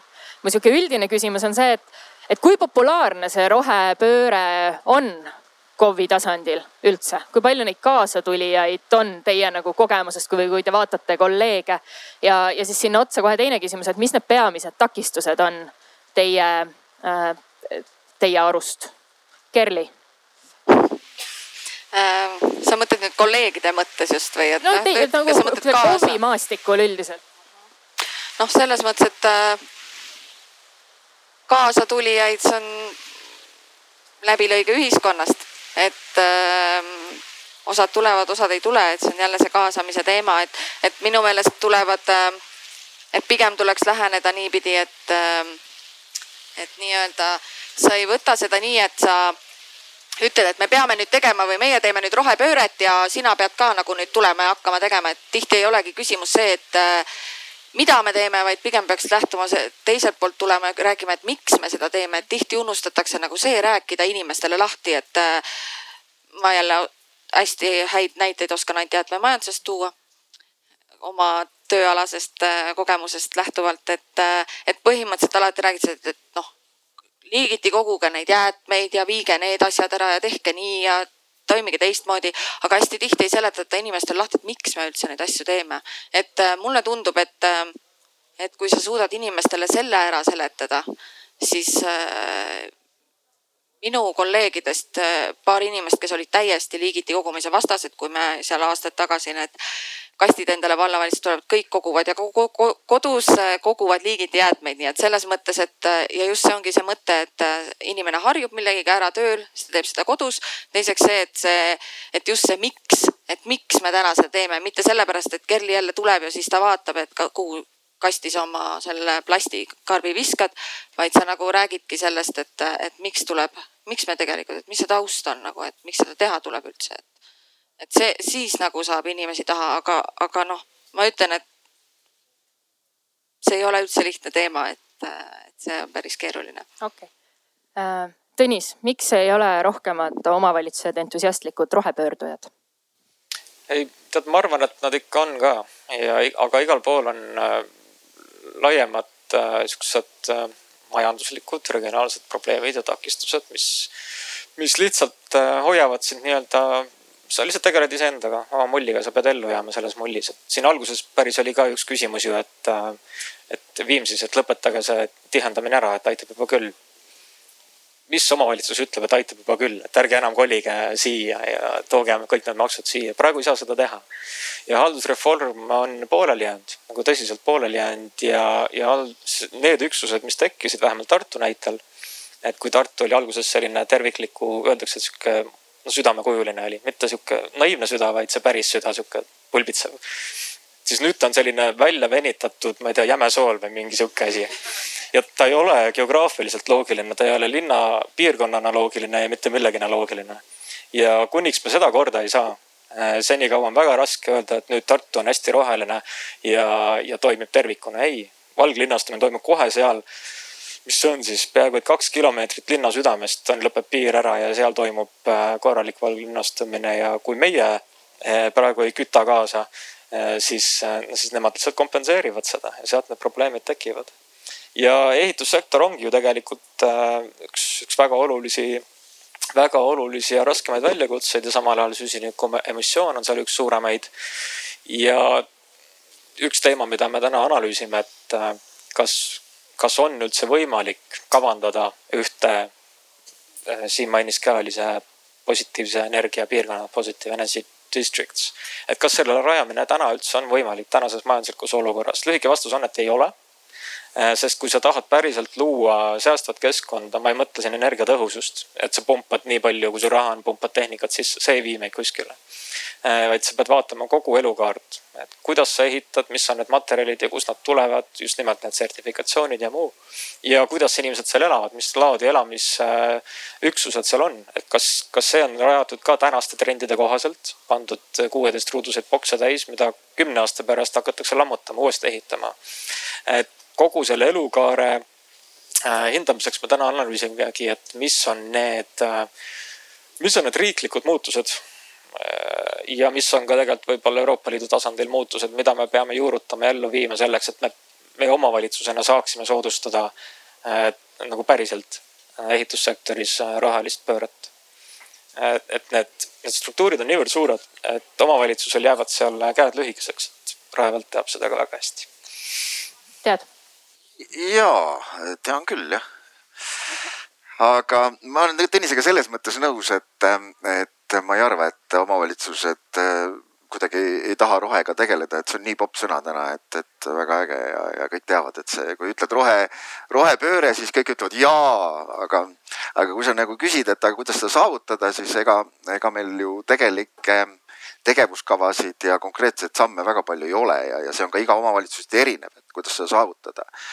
et äh, ma, ma pigem ise küll ootan väga palju meie sellelt äh, kliima ja energiakavalt, et, et kui me sinna spetsialiste kaasame ja siis tõepoolest need asjad läbi vaidleme ja saamegi ka tegelikult teada, et milline tegevus ongi siis tegelikult ka see nii-öelda rohepööre ja mis tegelikult ka aitab kaasa.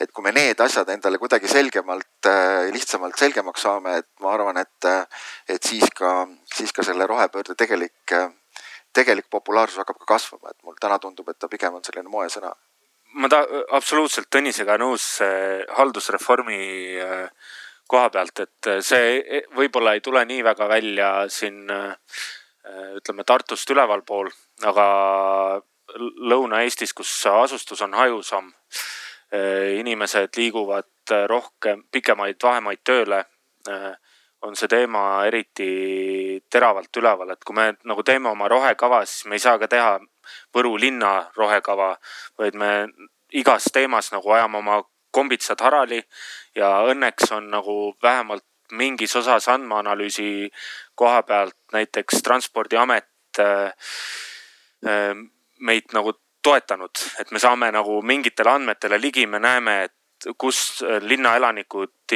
igapäevaselt või iganädalaselt äh, pendelrännet teevad ja ütleme, kui me lähmegi nagu eraldi valdkondadesse, siis äh, mis al alguses äh, su sõnavõtust kõlama jäi, et äh, me räägime asjadest, mis on kohaliku omavalitsuse kohustus.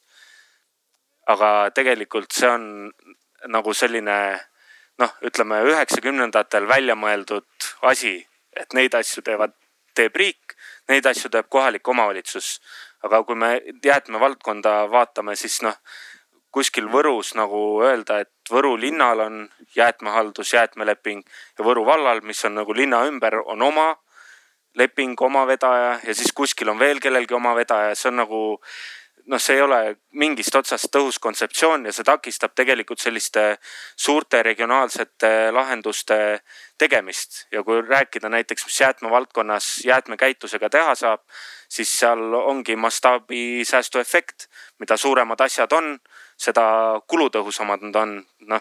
ja, aga kui nagu selline ütleme, regulatsioon seisab nagu natuke ees seal või ei lase mingeid asju teha, siis see on kindlasti üks suur takistus ja ma ei, ja ma ei näe ka kahjuks mingite konkreetsete riigi toetusmeetmete puhul või mingite asjade puhul, et käib nagu selline tagasisidestamine kuidagi, et kui taotlejad on kohalikud omavalitsused näiteks mingist, mingitel toetustel, see taotlus kordub ja kordub ja kordub, siis ei ole sama protseduuri nagu korterelamutega, et see toetusmeede läheb nagu ajas paremaks, kuidagi äh, selliseks detailsemaks või nagu aitab neid, nende valupunktidega rohkem toime tulla, aga nagu riik lihtsalt paneb selle noh, tuimalt raha peale ja noh, eriti kui me kohalike omavalitsuste hoonetest räägime no,, sama asja nagu teha aastaid ilma üritada nagu, üritamata midagi seal parandada, noh, see, see nagu ei tööta hästi. see on see raske koht mm. -hmm. aitäh, ma küsin publikul, on teil mõtteid või, või küsimusi või kommentaare siin tekkinud? oo, näe, seal kaks inimest. Kaimai päästab mikrofoniga Äh, minul on see küsimus, et äh, just see, et äh, nii-öelda see rohepöörde teema, kui me mõnes mõttes mõtleme, et see on ju väga palju seotud riigi rahvusvaheliste kohustustega ja nagu me siit arutelust tegelikult aru saame, siis väga palju sellest ju läheb tegelikult KOV-i tasandile et Eesti kõige suurem kliimakaebus, mis on seotud õlitehasega, on ju jälle olukord, kus üks väike omavalitsus on pandud nüüd nagu olukorra ette, et kuidas ta arvestab riiklikke kohustusi ja rahvusvahelisi lepinguid oma ehitusloa andmisel. et kas KOV-id on tegelikult nagu valmis just sellisteks nagu küsimusteks, on ju. et sest äh, reaalsed muutused ja otsused tegelikult toimuvad KOV-i tasandil, mis panustavad, noh kasvõi seesama jäätmeteema on ju. et riigil on kohustus võtta ringlusesse aga ei ole mehhanismi, kuidas see kohustus jõuab näiteks KOV-i tasandile on ju, et iga KOV peab seda kuidagi tegema.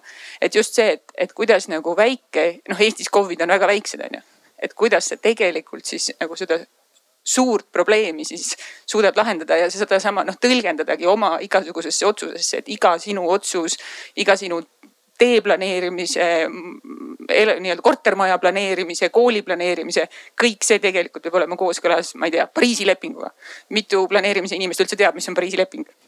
mul äh, kohe on hea näide, et äh, kui ma omal ajal majandusministeeriumis töötasin ja me Hiiumaa mereala tuuleplaneeringut tegime, siis äh, noh, ma käisin ka seal koosolekutel nii-öelda riiki esindamas või vähemalt ühte osa riigist. Ja siis äh, arutati seal seda ala suurust ja mingeid muid parameetreid. noh, ma ei tea, näiteks seitsesada megavatti. Ja siis noh, küsiti minu käest, et noh, palju riigil vaja on, noh, palju vaja on, teeme suurema, väiksema, ütle, mitu megavatti vaja on. Ja siis sa hakkad rääkima, et noh, aga meil on avatud elektriturg ja riik nagu ei ehita neid, et lihtsalt noh, pange nii palju, kui saate, onju. et noh, see, see nagu see on jälle sihuke väga-väga raske positsioon, kus olla ja noh, samamoodi, et ütleme seal jah, mingites osades nagu oleks kindlasti lihtsam, kui kuskilt ülevalt nagu see äh, suunis ei oleks nii umbmäärane, ütleme nii, et proovige lihtsalt hästi ja roheliselt teha. see on nagu sihuke raske. aga valmidus on kindlasti olemas paremini teha, muidugi arvan ka, et ega meie, meie käest ei küsita, et kas te olete valmis, meil tuleb lihtsalt olla valmis ja, ja sellega hakkama saada, aga, aga ma sain selle küsimuse taustast aru, et kas siin võiks olla koostöö ja, ja kas riik, kui ta on ise võtnud mingid kohustused, võiks kuidagi siis nagu kompenseerida või aidata koos omavalitsusega teha, siis siin on kindlasti vastus ja, et, et, et kui, kui riik tuleks ja, ja väga selgelt ütleks, et näete, meil on võetud sellised kohustused. me tahame teid, näiteks teie, teie omavalitsuses on võimalik seda viga parandada.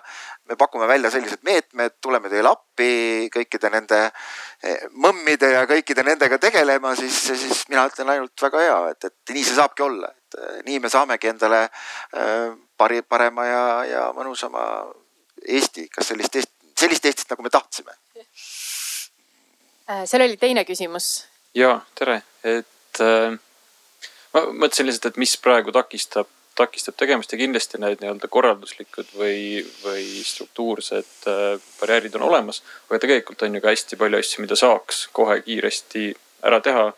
aga küsimus ikkagi mingil määral on ka nii-öelda poliitikute tunnetuses, et mis noh, et tihtipeale seda peetakse poliitiliseks enesetapuks, kui, kui teed mingisuguseid ambitsioonikaid programme. ja, ja see tulenebki tihtipeale vähemalt kohalikul tasemel tuleneb mingisugusest tunnetusest, mis poliitikutel on, et mida rahvas arvab. aga hästi-hästi huvitav on see, et tegelikult see tihtipeale ei ole üldse kooskõlas sellega, mida näiteks arvamusuuringud näitavad. noh, et me tegelikult teame, et, et erinevate linnaruumi äh,, linnaruumi küsimustes on väga tugev toetus rahva hulgas olemas nende asjade ärategemiseks, aga kui küsida poliitikult, siis ta ikkagi ütleb, et mul on tunnetus, et rahvas praegu ei toeta seda, noh see tunnetus, ma ei tea, kujuneb sõpradega saunalaval või, või neti, netisõdalased, kes, kes teevad väga kõva lärmi ja siis sellest noh, tuleb, tundub, et need ongi ja, ja täna ka tegelikult, eks ole, palju rõhku läks sellele, et kuidas veenda inimesi, et. et see on siiski hea mõte, et tegelikult väga suur osa inimesi on juba veendud, et loomulikult tuleb tegeleda nendega, kes ei ole, ei ole veendud ja, ja tuleb neid. noh, ei saa neid eirata selles mõttes, aga, aga, aga, aga ka ma arvan, et selles mõttes ongi just nende arvamusuuringud on, on väga tugev tugev tööriist võiks olla ka just selleks, et seda poliitilisel tasandil näidata, et, et tegelikult ei ole, ei ole seis selline nagu, nagu Facebooki kommentaariumist võib-olla paistab.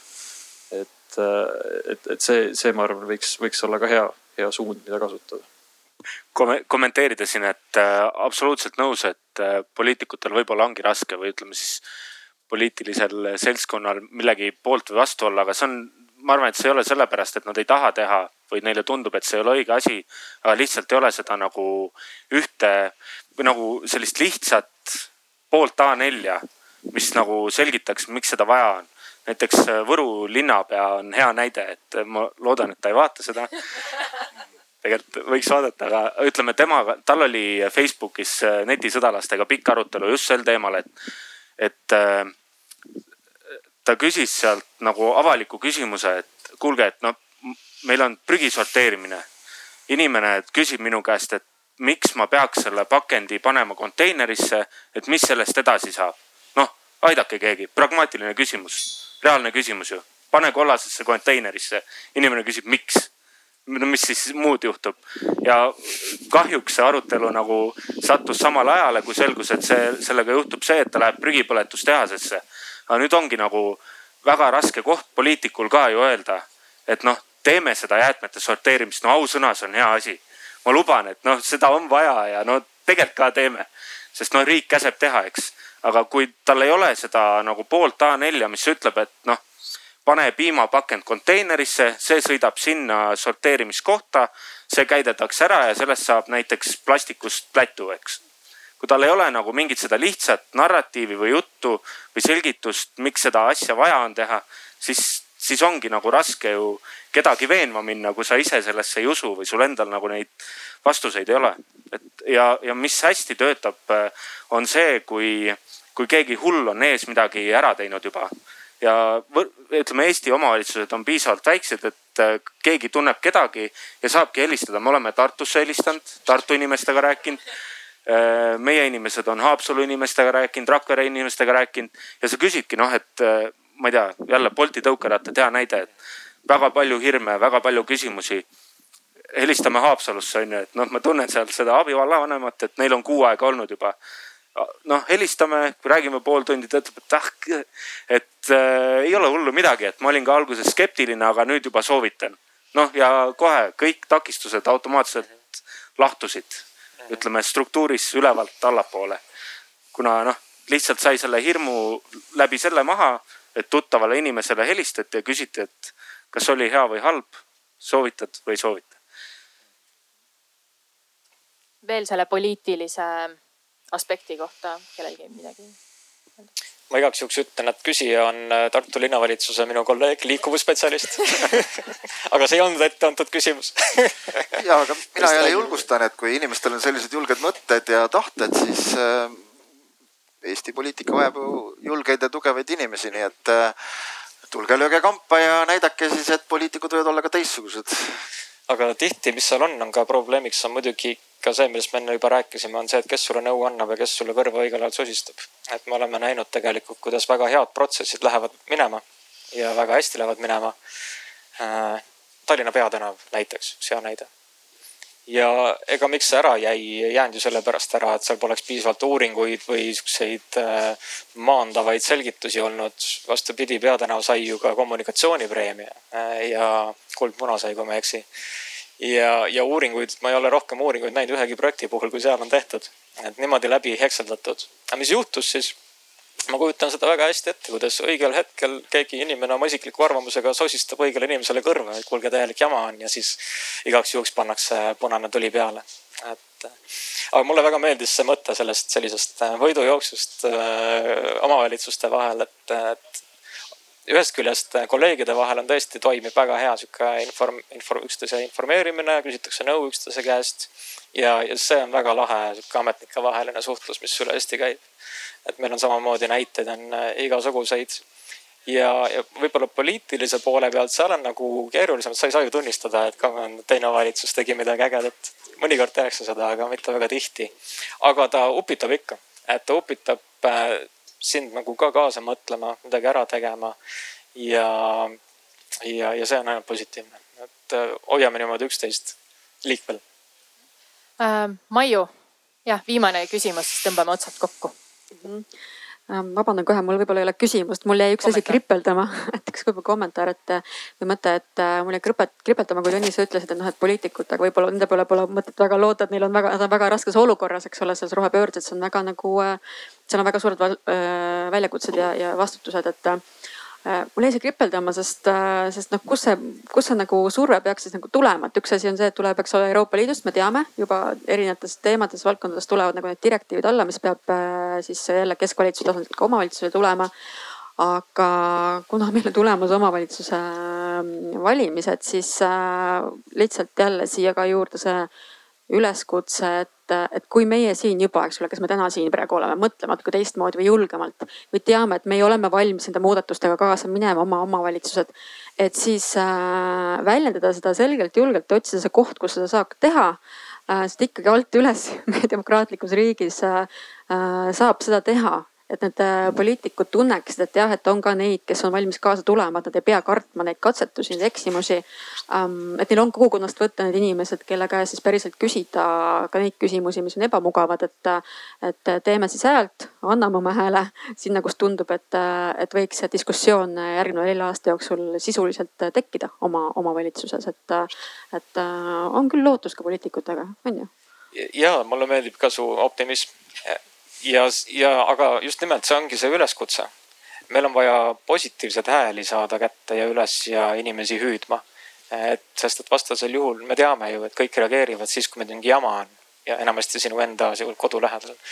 aga et me tahame saada, poliitikud tahavad saada just nimelt neid positiivseid hääli. kuulge, teeme nii, teeme päriselt nii ja me toetame teid ma lisan siia veel Rohetiigri poolt, mida Maiu rääkis Rohetiigrina ka, et meil on poliitikute julgustamise formaadid olemas, sellepärast me teiega koostööd teeme me hakkame alles nendest äh, lähemalt rääkima, aga et äh, liikuda edasi ka esindusdemokraatia rikastamise suunas või õigemini demokraatia rikastamise suunas, et see esindusdemokraatia ei oleks ainukene seal või selline kõlavam, kesksem. Äh, rohkem liisudemokraatiat, rohkem selliseid rahvakogusid, et just saada selline avalikkuse mandaat ja nende formaatide kaudu ka tegelikult üleüldist teadlikkust nendest, sellest kogu olukorrast, võimalikest valikutest, võimalikest nagu teekondadest.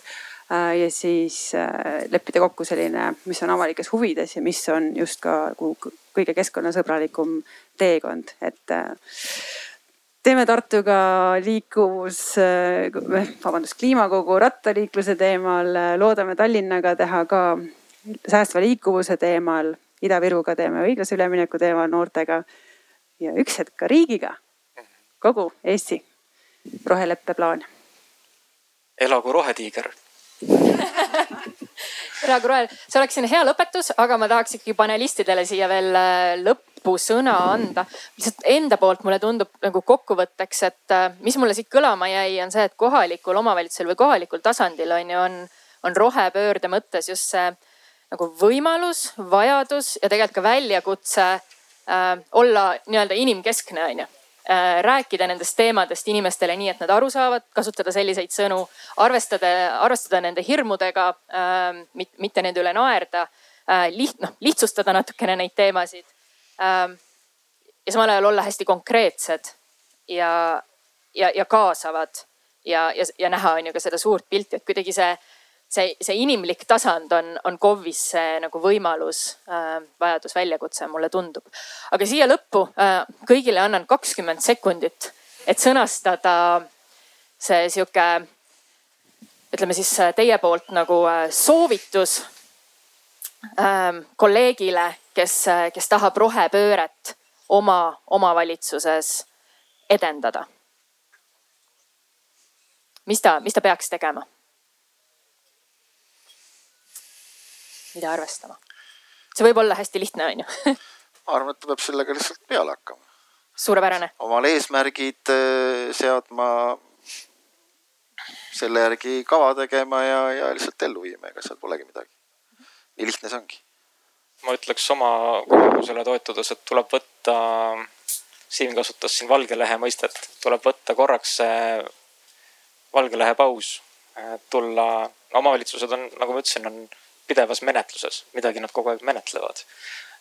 et mingi hetk tuleb võtta see aeg ja, ja vaadata uuesti otsa eesmärkidele ja hakata siis nagu puurima. mida sa menetled siis, et kas see, kas see nüüd teeb midagi sinnapoole paremaks või mitte?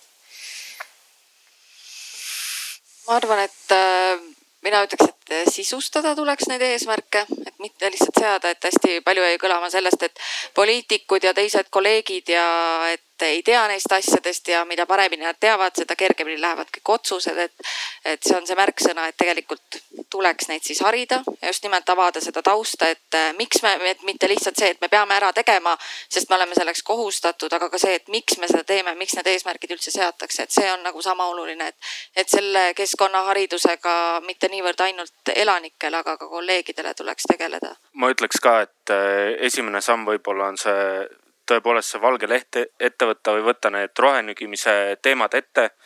võtta enda linnapead, vallavanemad, abivallavanemad ette ja nagu lihtsalt arutada omavahel need teemad läbi.